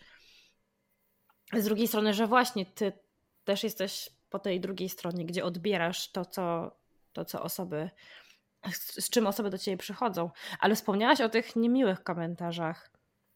Jak często się to zdarza? Wiesz co, teraz rzeczy naprawdę rzadko. Mam takie e, grono odbiorców, które jest stałe. Ja nie, nie mam profilu, który się rozrasta. To jest głównie pewnie wina moja, bo nie jestem na nim właśnie regularnie, ze względu na to, że historię tych ludzi ja odbieram bardzo mocno. Hmm. I jest to dla mnie naprawdę ciężkie, żeby mieć tyle siły, e, żeby na wszystkie odpowiadać. Te komentarze niemiłe się pojawiały na początku, kiedy mam wrażenie, że przychodziły te osoby tak przez przypadek, tak z mhm. doskoku. E, gdzieś im coś wyskoczyło, okej, okay, weszły, zobaczyły, o, moda na autyzm, o, znowu ktoś się nad sobą użala, kolejna ma depresję, tak, co ty gadasz, ty nic nie wiesz i tak dalej. Ale e, zdarzały się też takie w ogóle dziwne komentarze w stylu ej, masz krzywe zęby, albo ej, masz coś i tak piszesz człowiekowi historię swojego życia nie po to, żeby się poużalać nad sobą, tylko po to, żeby osoba, która ma to samo, i ja wiem, że one tam są, bo one później się do mnie odzywają, nie poczuły się w tym same. A ktoś akurat ci powie, że masz krzywe zęby, yy, nogi, czy cokolwiek innego. Okej, okay, to jest błahostka, ale kiedy nie masz siły na to, nie masz przestrzeni i na przykład nie jesteś pewną siebie osobą, gdzieś masz te kompleksy, to jest w stanie gdzieś na tobie wywrzeć wrażenie. I osoby, które mają duże profile, spotykają się naprawdę ze strasznym hejtem. Ja sobie z tego zdaję sprawę, ale komentarze w stylu właśnie o kolejna chce na siebie zwrócić uwagę, to jest dla mnie już niemiła wiadomość. I to już jest dla mnie coś, co gdzieś jednak kuje. I... Tak, jeżeli nie masz jakiegoś takiego strasznie długiego doświadczenia bycia w, w przestrzeni publicznej, to trudno jest z tym sobie poradzić, ja myślę. Ja o, o tym rozmawiałam e, z Hanią S., która w internecie działa już od wielu, wielu lat, tak naprawdę odkąd jest nastolatką. I ona mówiła o tym, że ona już po prostu nauczyła się nie brać takich komentarzy do siebie, ale ja myślę, że to wcale nie jest takie oczywiste, mm, kiedy jesteśmy gdzieś tam na początku tej drogi. Ja się z ciekawym komentarzem, nie skierowanym osobiście do nikogo, ale takim bardzo ogólnym spotkałam, który mnie bardzo zdziwił. Dziewczyna napisała w odpowiedzi na chyba czyjeś stories e, o tym, że wkurza ją to, że teraz właśnie taka propos tej mody na ADHD i spektrum, że teraz są konta, które e, odcinają kupony od tej popularności tematu i używają ADHD czy spektrum do tego, żeby sobie podbijać zasięgi. I powiem ci szczerze, że nie mogłam uwierzyć w to, że ktoś coś takiego napisał, bo ja się. Znowu to może być kwestia bańki, w której ja siedzę, ale ja naprawdę nie spotkałam się z profilem, który odcinałby kupony od tematu spektrum albo ADHD. Y, ja też nie, szczerze ci powiem, że ja też nie.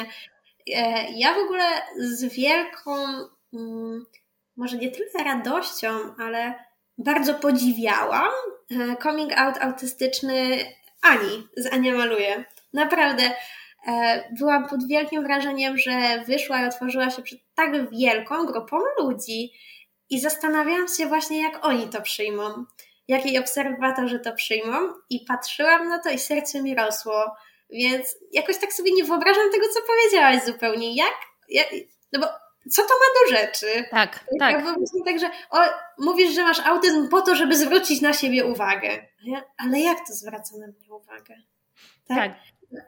Dokładnie. O, ja wiem, tak sobie przypomniałam właśnie fajny komentarz, który dostałam na TikToku, na którym nie działam z różnych przyczyn, ale właśnie nagrałam kiedyś TikToka e, i ktoś mi napisał, że ale po co mówisz o tym? Przecież to równie do, nikogo to nie interesuje. No okej. Okay.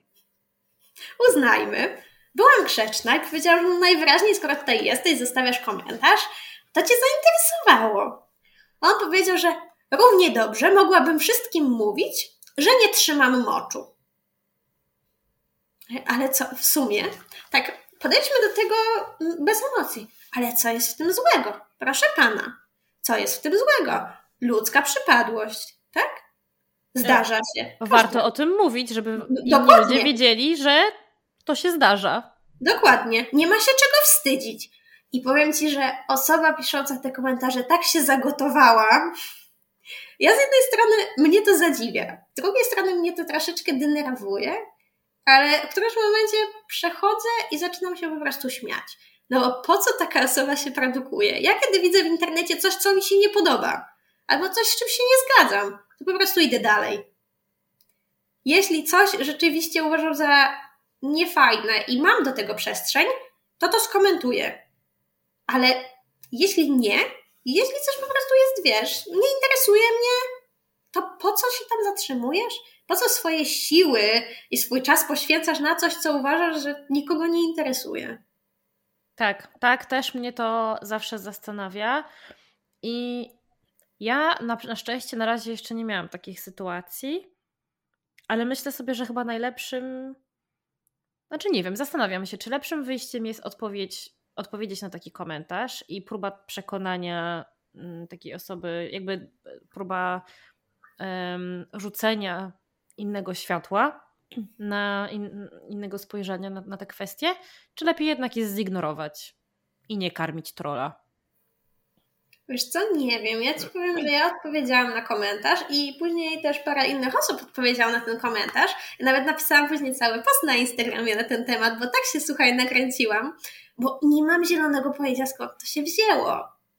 I z jednej strony do takiej osoby mam wrażenie, że nieważne co napiszesz, raczej nic nie dotrze. Czy myślę, że ona nie robi tego w ogóle po to, żeby z kimś podyskutować w żadnym stopniu. Myślę, że ona to po prostu robi, żeby komuś dopiec, ale tak. po co ani dlaczego, to jest dla mnie nie do zrozumienia. To ja ci powiem, że nie jestem spektrum, ale dla mnie też jest to zupełnie nie do zrozumienia i nie ma to nic wspólnego z normami społecznymi. No tak mi się też wydawało, że nie, to nie jest tylko i wyłącznie kwestia spektrum, że ja tego nie rozumiem. E, nie, to jest naprawdę dla mnie bardzo niezrozumiałe.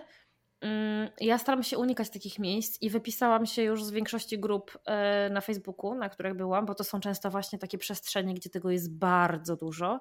Chociaż powiem ci, że jakoś tak mam, mam wrażenie, może się mylę, znowu może to jest kwestia bańki i odpowiednich algorytmów, ale mam wrażenie, że ta przestrzeń samorzecznicza, e, związana z neuroróżnorodnością szeroko pojętą, na Instagramie zwłaszcza, jest jakąś taką przyjemniejszą przestrzenią, że jednak jest więcej jakiejś takiej empatii um, i sympatii dla drugiego człowieka i po prostu chęci bycia wspierającym i chęci zrozumienia. Tak mi się wydaje. Nie wiem, jakie ty masz odczucie. Ja na przykład jak rozmawiałam ze swoimi obserwatorami, i nie tylko, bo ja też jestem w paru grupach na Facebooku, tak jak mówisz, bywa naprawdę różnie, tak, e, bywa mocno czasami też tak. na tych grupach, e, to jeśli trafi się rzeczywiście w dobre miejsce, mm, to rzeczywiście bardzo dużo wsparcia możesz uzyskać od innych samorzeczników, od osób, które są w spektrum, nie są, myślą, że są, e, utożsamiają się jakoś, albo po prostu są mm, w tej bańce naszej informacyjnej, są świadomi i pokazują ci, że rzeczywiście okej, wiem, że tak jest i chcę wam ułatwiać życie albo żyć obok Was na tym samym poziomie i tak dalej. Można tyle wsparcia uzyskać w internecie, jeśli się trafi do dobrego miejsca i jeśli się ma dobrą grupę odbiorców, e, to wtedy rzeczywiście jest ok. Ale ja na przykład często trafiam na różne, różne posty, co prawda najczęściej sponsorowane, e, na Facebooku właśnie od jakichś, e, jakichś sprawach tam autystycznych. I uważam, że najgorszą grupą do takich rozmów, jeśli chodzi o właśnie brak wsparcia, brak zrozumienia, to przepraszam teraz wszystkich rodziców, którzy są świadomi, są wspierający i e, którzy mm, nie zachowują się w ten sposób, który zaraz przytoczę, bo wiem, że jest Was pełno, ale akurat tak, taki mam przykład, który mi się przypomniał. I tam jest pełno rodziców, którzy niestety właśnie mm, mówią, że ich dzieci są chore na autyzm. E, I myślę, że to wynika w dużym stopniu z tego, że te różne dzieciaki mają inną niepełnosprawność współwystępującą z autyzmem. Ale to, co się tam dzieje w tych komentarzach, to uprzedmiotowienie tego dziecka tak naprawdę. E, nie tylko ze strony rodziców, ale też dziadków, opiekunów. I tam się robi taki, słuchaj, syf bo zaczynają też przychodzić inne osoby i zgadzać się z tym, że autyzm to jest taka straszna choroba i że jest im tak strasznie przykro. I z jednej strony ci rodzice potrzebują bardzo dużo wsparcia i oni nie mają tego wsparcia i bardzo bym chciała, żeby to się zmieniło. Oni naprawdę potrzebują y, bardzo dużej pomocy. Ale to, co się dzieje w tych komentarzach, to jak idzie narracja z takich miejsc, to mnie totalnie przeraża. Naprawdę. Powiem ci, że jak zaczęłaś mówić o tym, to wiedziałam, że zdanie skończysz właśnie w ten sposób, że to są grupy, gdzie, gdzie są rodzice dzieci z, w spektrum. E, słyszałam bardzo podobną rzecz właśnie o grupach dla rodziców dzieci w spektrum ADHD. E, zastanawiam się, z czego to wynika. Zastanawiam się, z czego to wynika bo z jednej strony są w tych grupach, czyli wiesz, szukają jakiegoś wsparcia i jest jakaś tam chęć y, pomocy, a z drugiej strony dużo takich stereotypów i braku zrozumienia takich podstawowych kwestii, nie? Tak, myślę, że, że masz w 100% rację, bo to nie tylko się tyczy spektrum w żadnym stopniu.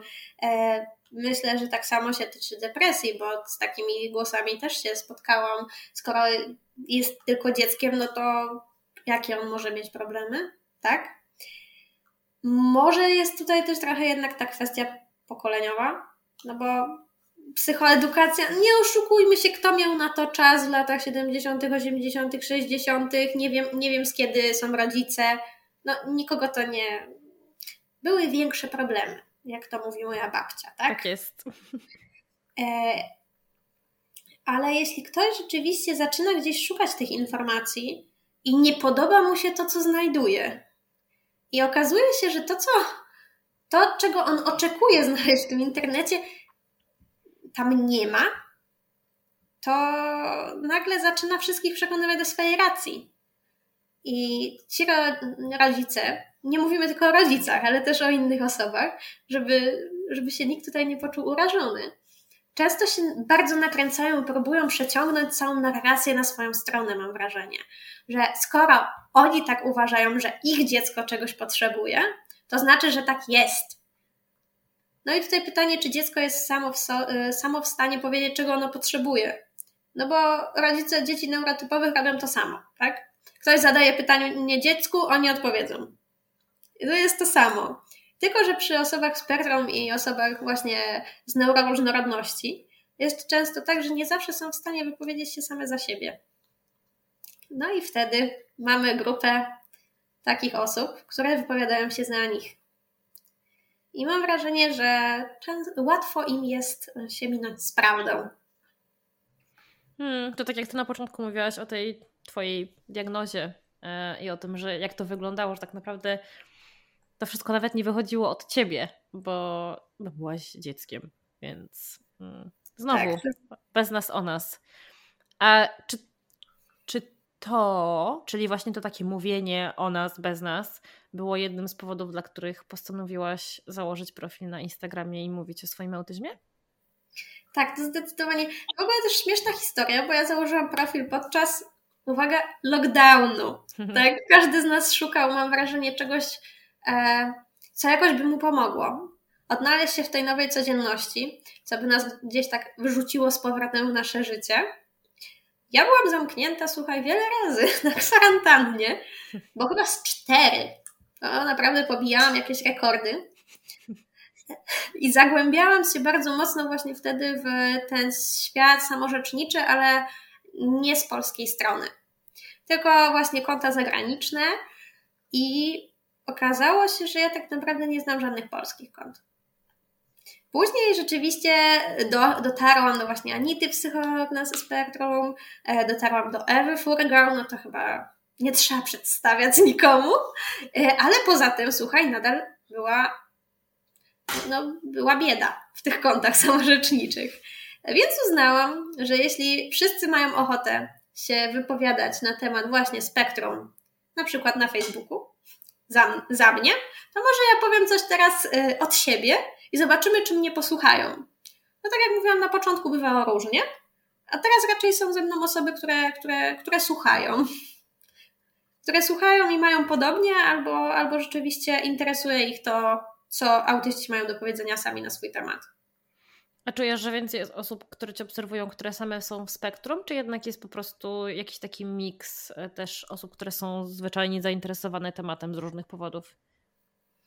Wiesz co, mam wrażenie, że bardzo dużo moich obserwujących jest w spektrum albo podejrzewał siebie spektrum. Mam też trochę rodziców i to są naprawdę cudowni ludzie, Lubię z nimi rozmawiać na temat tego, co teraz jest na czasie u nich w domu, jakie mają trudności i staram się zawsze im wytłumaczyć, jeśli ktoś do mnie pisze, a co może moje dziecko może mieć na myśli? A ja zawsze nie mam zielonego pojęcia, co pani dziecko może mieć na myśli.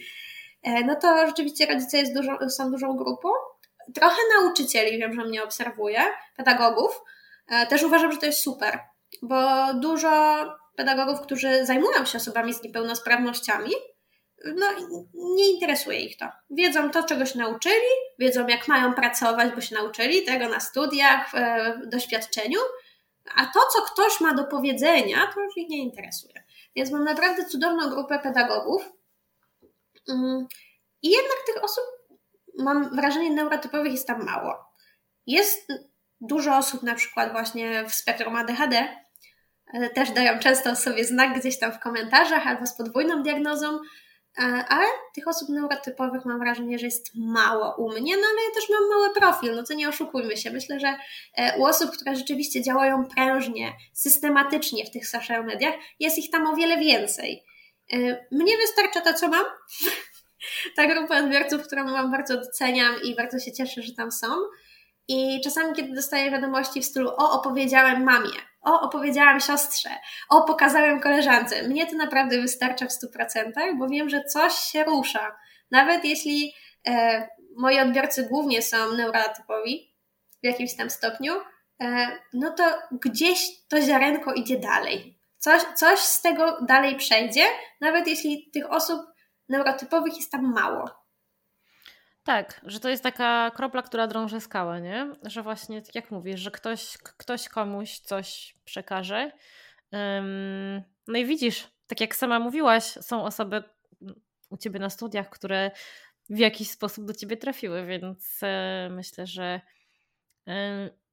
myślę, że też nie do końca e, w rozmiarach profili jest to clue sukcesu. E, czasem fajnie, jak jest więcej takich mniejszych kont które, samorzeczniczych, bo wtedy gdzieś tam yy, jakoś tak mam wrażenie, łatwiej jest na takie treści trafić. Ale zanim zadam Ci moje ostatnie pytanie na podsumowanie, które zadaję wszystkim, to jeszcze chcę Cię zapytać o coś takiego bardzo na czasie, bo idą święta.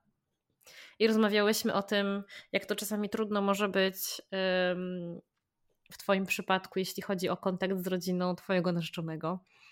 No a święta są takie, takim czasem, kiedy e, z rodziną ten kontakt jest wzmożony. I to jest czas trudny dla osób neuro, neuroróżnorodnych z wielu powodów. Czy ty masz jakieś swoje sposoby na to, żeby ten czas przeżyć, właśnie przeżyć? Mm, dla mnie kluczowe w czasie świąt jest y, jak najmniejsza ilość spędzania czasu z ludźmi. No przepraszam, ale... Uwielbiam Twoją szczerość. No, słuchajcie. Mm, święta są ciężkie dla wszystkich, niezależnie od neurotypu. Bądźmy szczerzy, to jest sytuacja, w której dużo osób działa na najwyższych obrotach, gdzie nie tylko jest ta piękna, filmowa, świąteczna atmosfera, ale jest dużo nerwów, jest dużo stresu, nie we wszystkich domach jest tak, jak sobie wyobrażamy lub chcielibyśmy, żeby było. Niektórzy jadą do rodziny, niektórzy nie jadą do rodziny. To jest naprawdę bardzo duży ładunek emocjonalny na tych świętach. I żeby sobie z nim poradzić, ja polecam po prostu jak największą ilość wypoczynku. Jak masz u siebie święta, no to, no to jest ciężko. U mnie na przykład jest Wigilia, e, więc co roku jest, e, jest grubo, więc parę dni przed Wigilią staram się gdzieś wegetować, schować się przed wszystkimi i parę dni po Wigilii robię to samo. Myślę, że unikanie ludzi jest kluczowe w moim radzeniu sobie w czasie świątecznym. E, to nie jest najlepsza porada ogólnie, nie bierzcie ze mnie przykładu. E, wiesz co, a ja chciałam powiedzieć, że to jest właśnie świetna rada, bo już Ci tłumaczę dlaczego. Odkąd postanowiliśmy z moim mężem spędzać święta na naszych warunkach, tak jak chcemy, to czujemy się najlepiej na świecie w tym, w tym czasie. To jest dla nas właśnie moment na odpoczynek, na taki czas tylko dla nas. Na czas, to jest moment, kiedy nie pracujemy, możemy wreszcie zrobić to, na co nie mieliśmy czas przez cały rok. E, możemy po prostu usiąść i oglądać głupie seriale albo, albo filmy na Netflixie. Możemy pograć sobie w planszówki i było to, odbyło się to kosztem dosyć sporym, ale nie, nie jeździmy ani do jednej rodziny, ani do drugiej i jesteśmy najszczęśliwszymi ludzi, ludźmi na świecie. Więc jeżeli, jeżeli można to zrobić na swoich warunkach, to ja też polecam wszystkim. Jak najmniejszy kontakt z ludźmi. Albo, albo kontakt z takimi ludźmi, z którymi chcemy w tym czasie się spotkać, bo to też jest kluczowe. No dobra, to ostatnie pytanie. Pytanie, które zadaję wszystkim, czyli gdybyś mogła przekazać ludziom wszem i wobec jedną rzecz o neuroróżnorodności, która dla ciebie jest bardzo ważna, a która nie jest wiedzą powszechną, to co by to było? Jedna. Mm, dobra, dobra, mogą być dwie, trzy, jeżeli nie są jakieś wielkie. Mm. Myślę, że powiedziałabym wszystkim, że jest więcej neuroróżnorodności na świecie niż nam się wydaje, że nie jest to modą i będzie nas tylko więcej. I tak ilość diagnoz będzie się z każdym rokiem zwiększała. I nie, nie dlatego, że to jest moda. A druga rzecz, którą bym powiedziała, to, że neuroróżnorodność może być niepełnosprawnością, ale nie musi. Bo wiele osób uważa, że osoby bez niepełnosprawności intelektualnej w spektrum nie są osobami niepełnosprawnymi, lub w drugą stronę na pewno są. To, że tak powiem, nie zależy od tego, tylko od tego, jakie trudności ma osoba, jak się utożsamia, z czym się utożsamia. I to jest głębszy temat, ale to jest jedna z tych rzeczy, które chciałabym, żeby poszły dalej, że może być niepełnosprawnością, ale nie musi, więc nie traktujmy wszystkich na równi. Tylko się po prostu zapytajmy.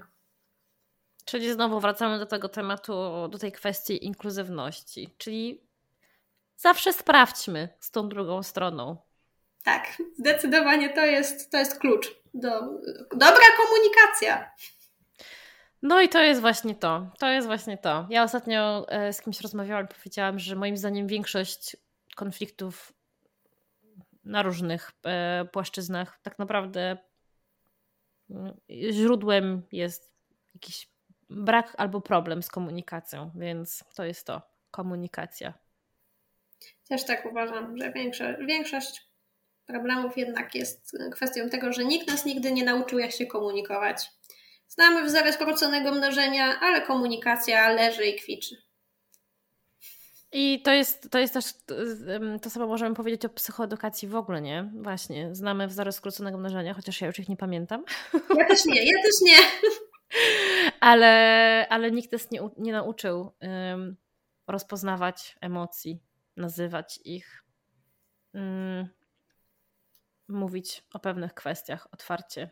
Więc fajnie, że zgodziłaś się przyjść i o pewnych z tych kwestii ze mną porozmawiać. Bardzo się cieszę i bardzo Ci dziękuję za rozmowę.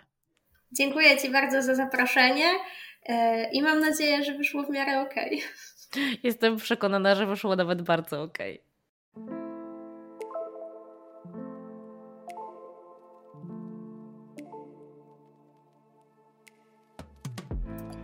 Wielkie dzięki za wysłuchanie tego odcinka. I oczywiście Spotify, YouTube czy TikTok nie powinny być wyznacznikami diagnozy. Ale jeśli to, o czym tutaj rozmawiałyśmy, brzmi dla ciebie podejrzanie znajomo, to mam nadzieję, że zaopiekujesz się sobą i wykonasz pierwszy krok w kierunku pójścia po pomoc, bo każda z nas na to zasługuje. Do usłyszenia w kolejnym odcinku.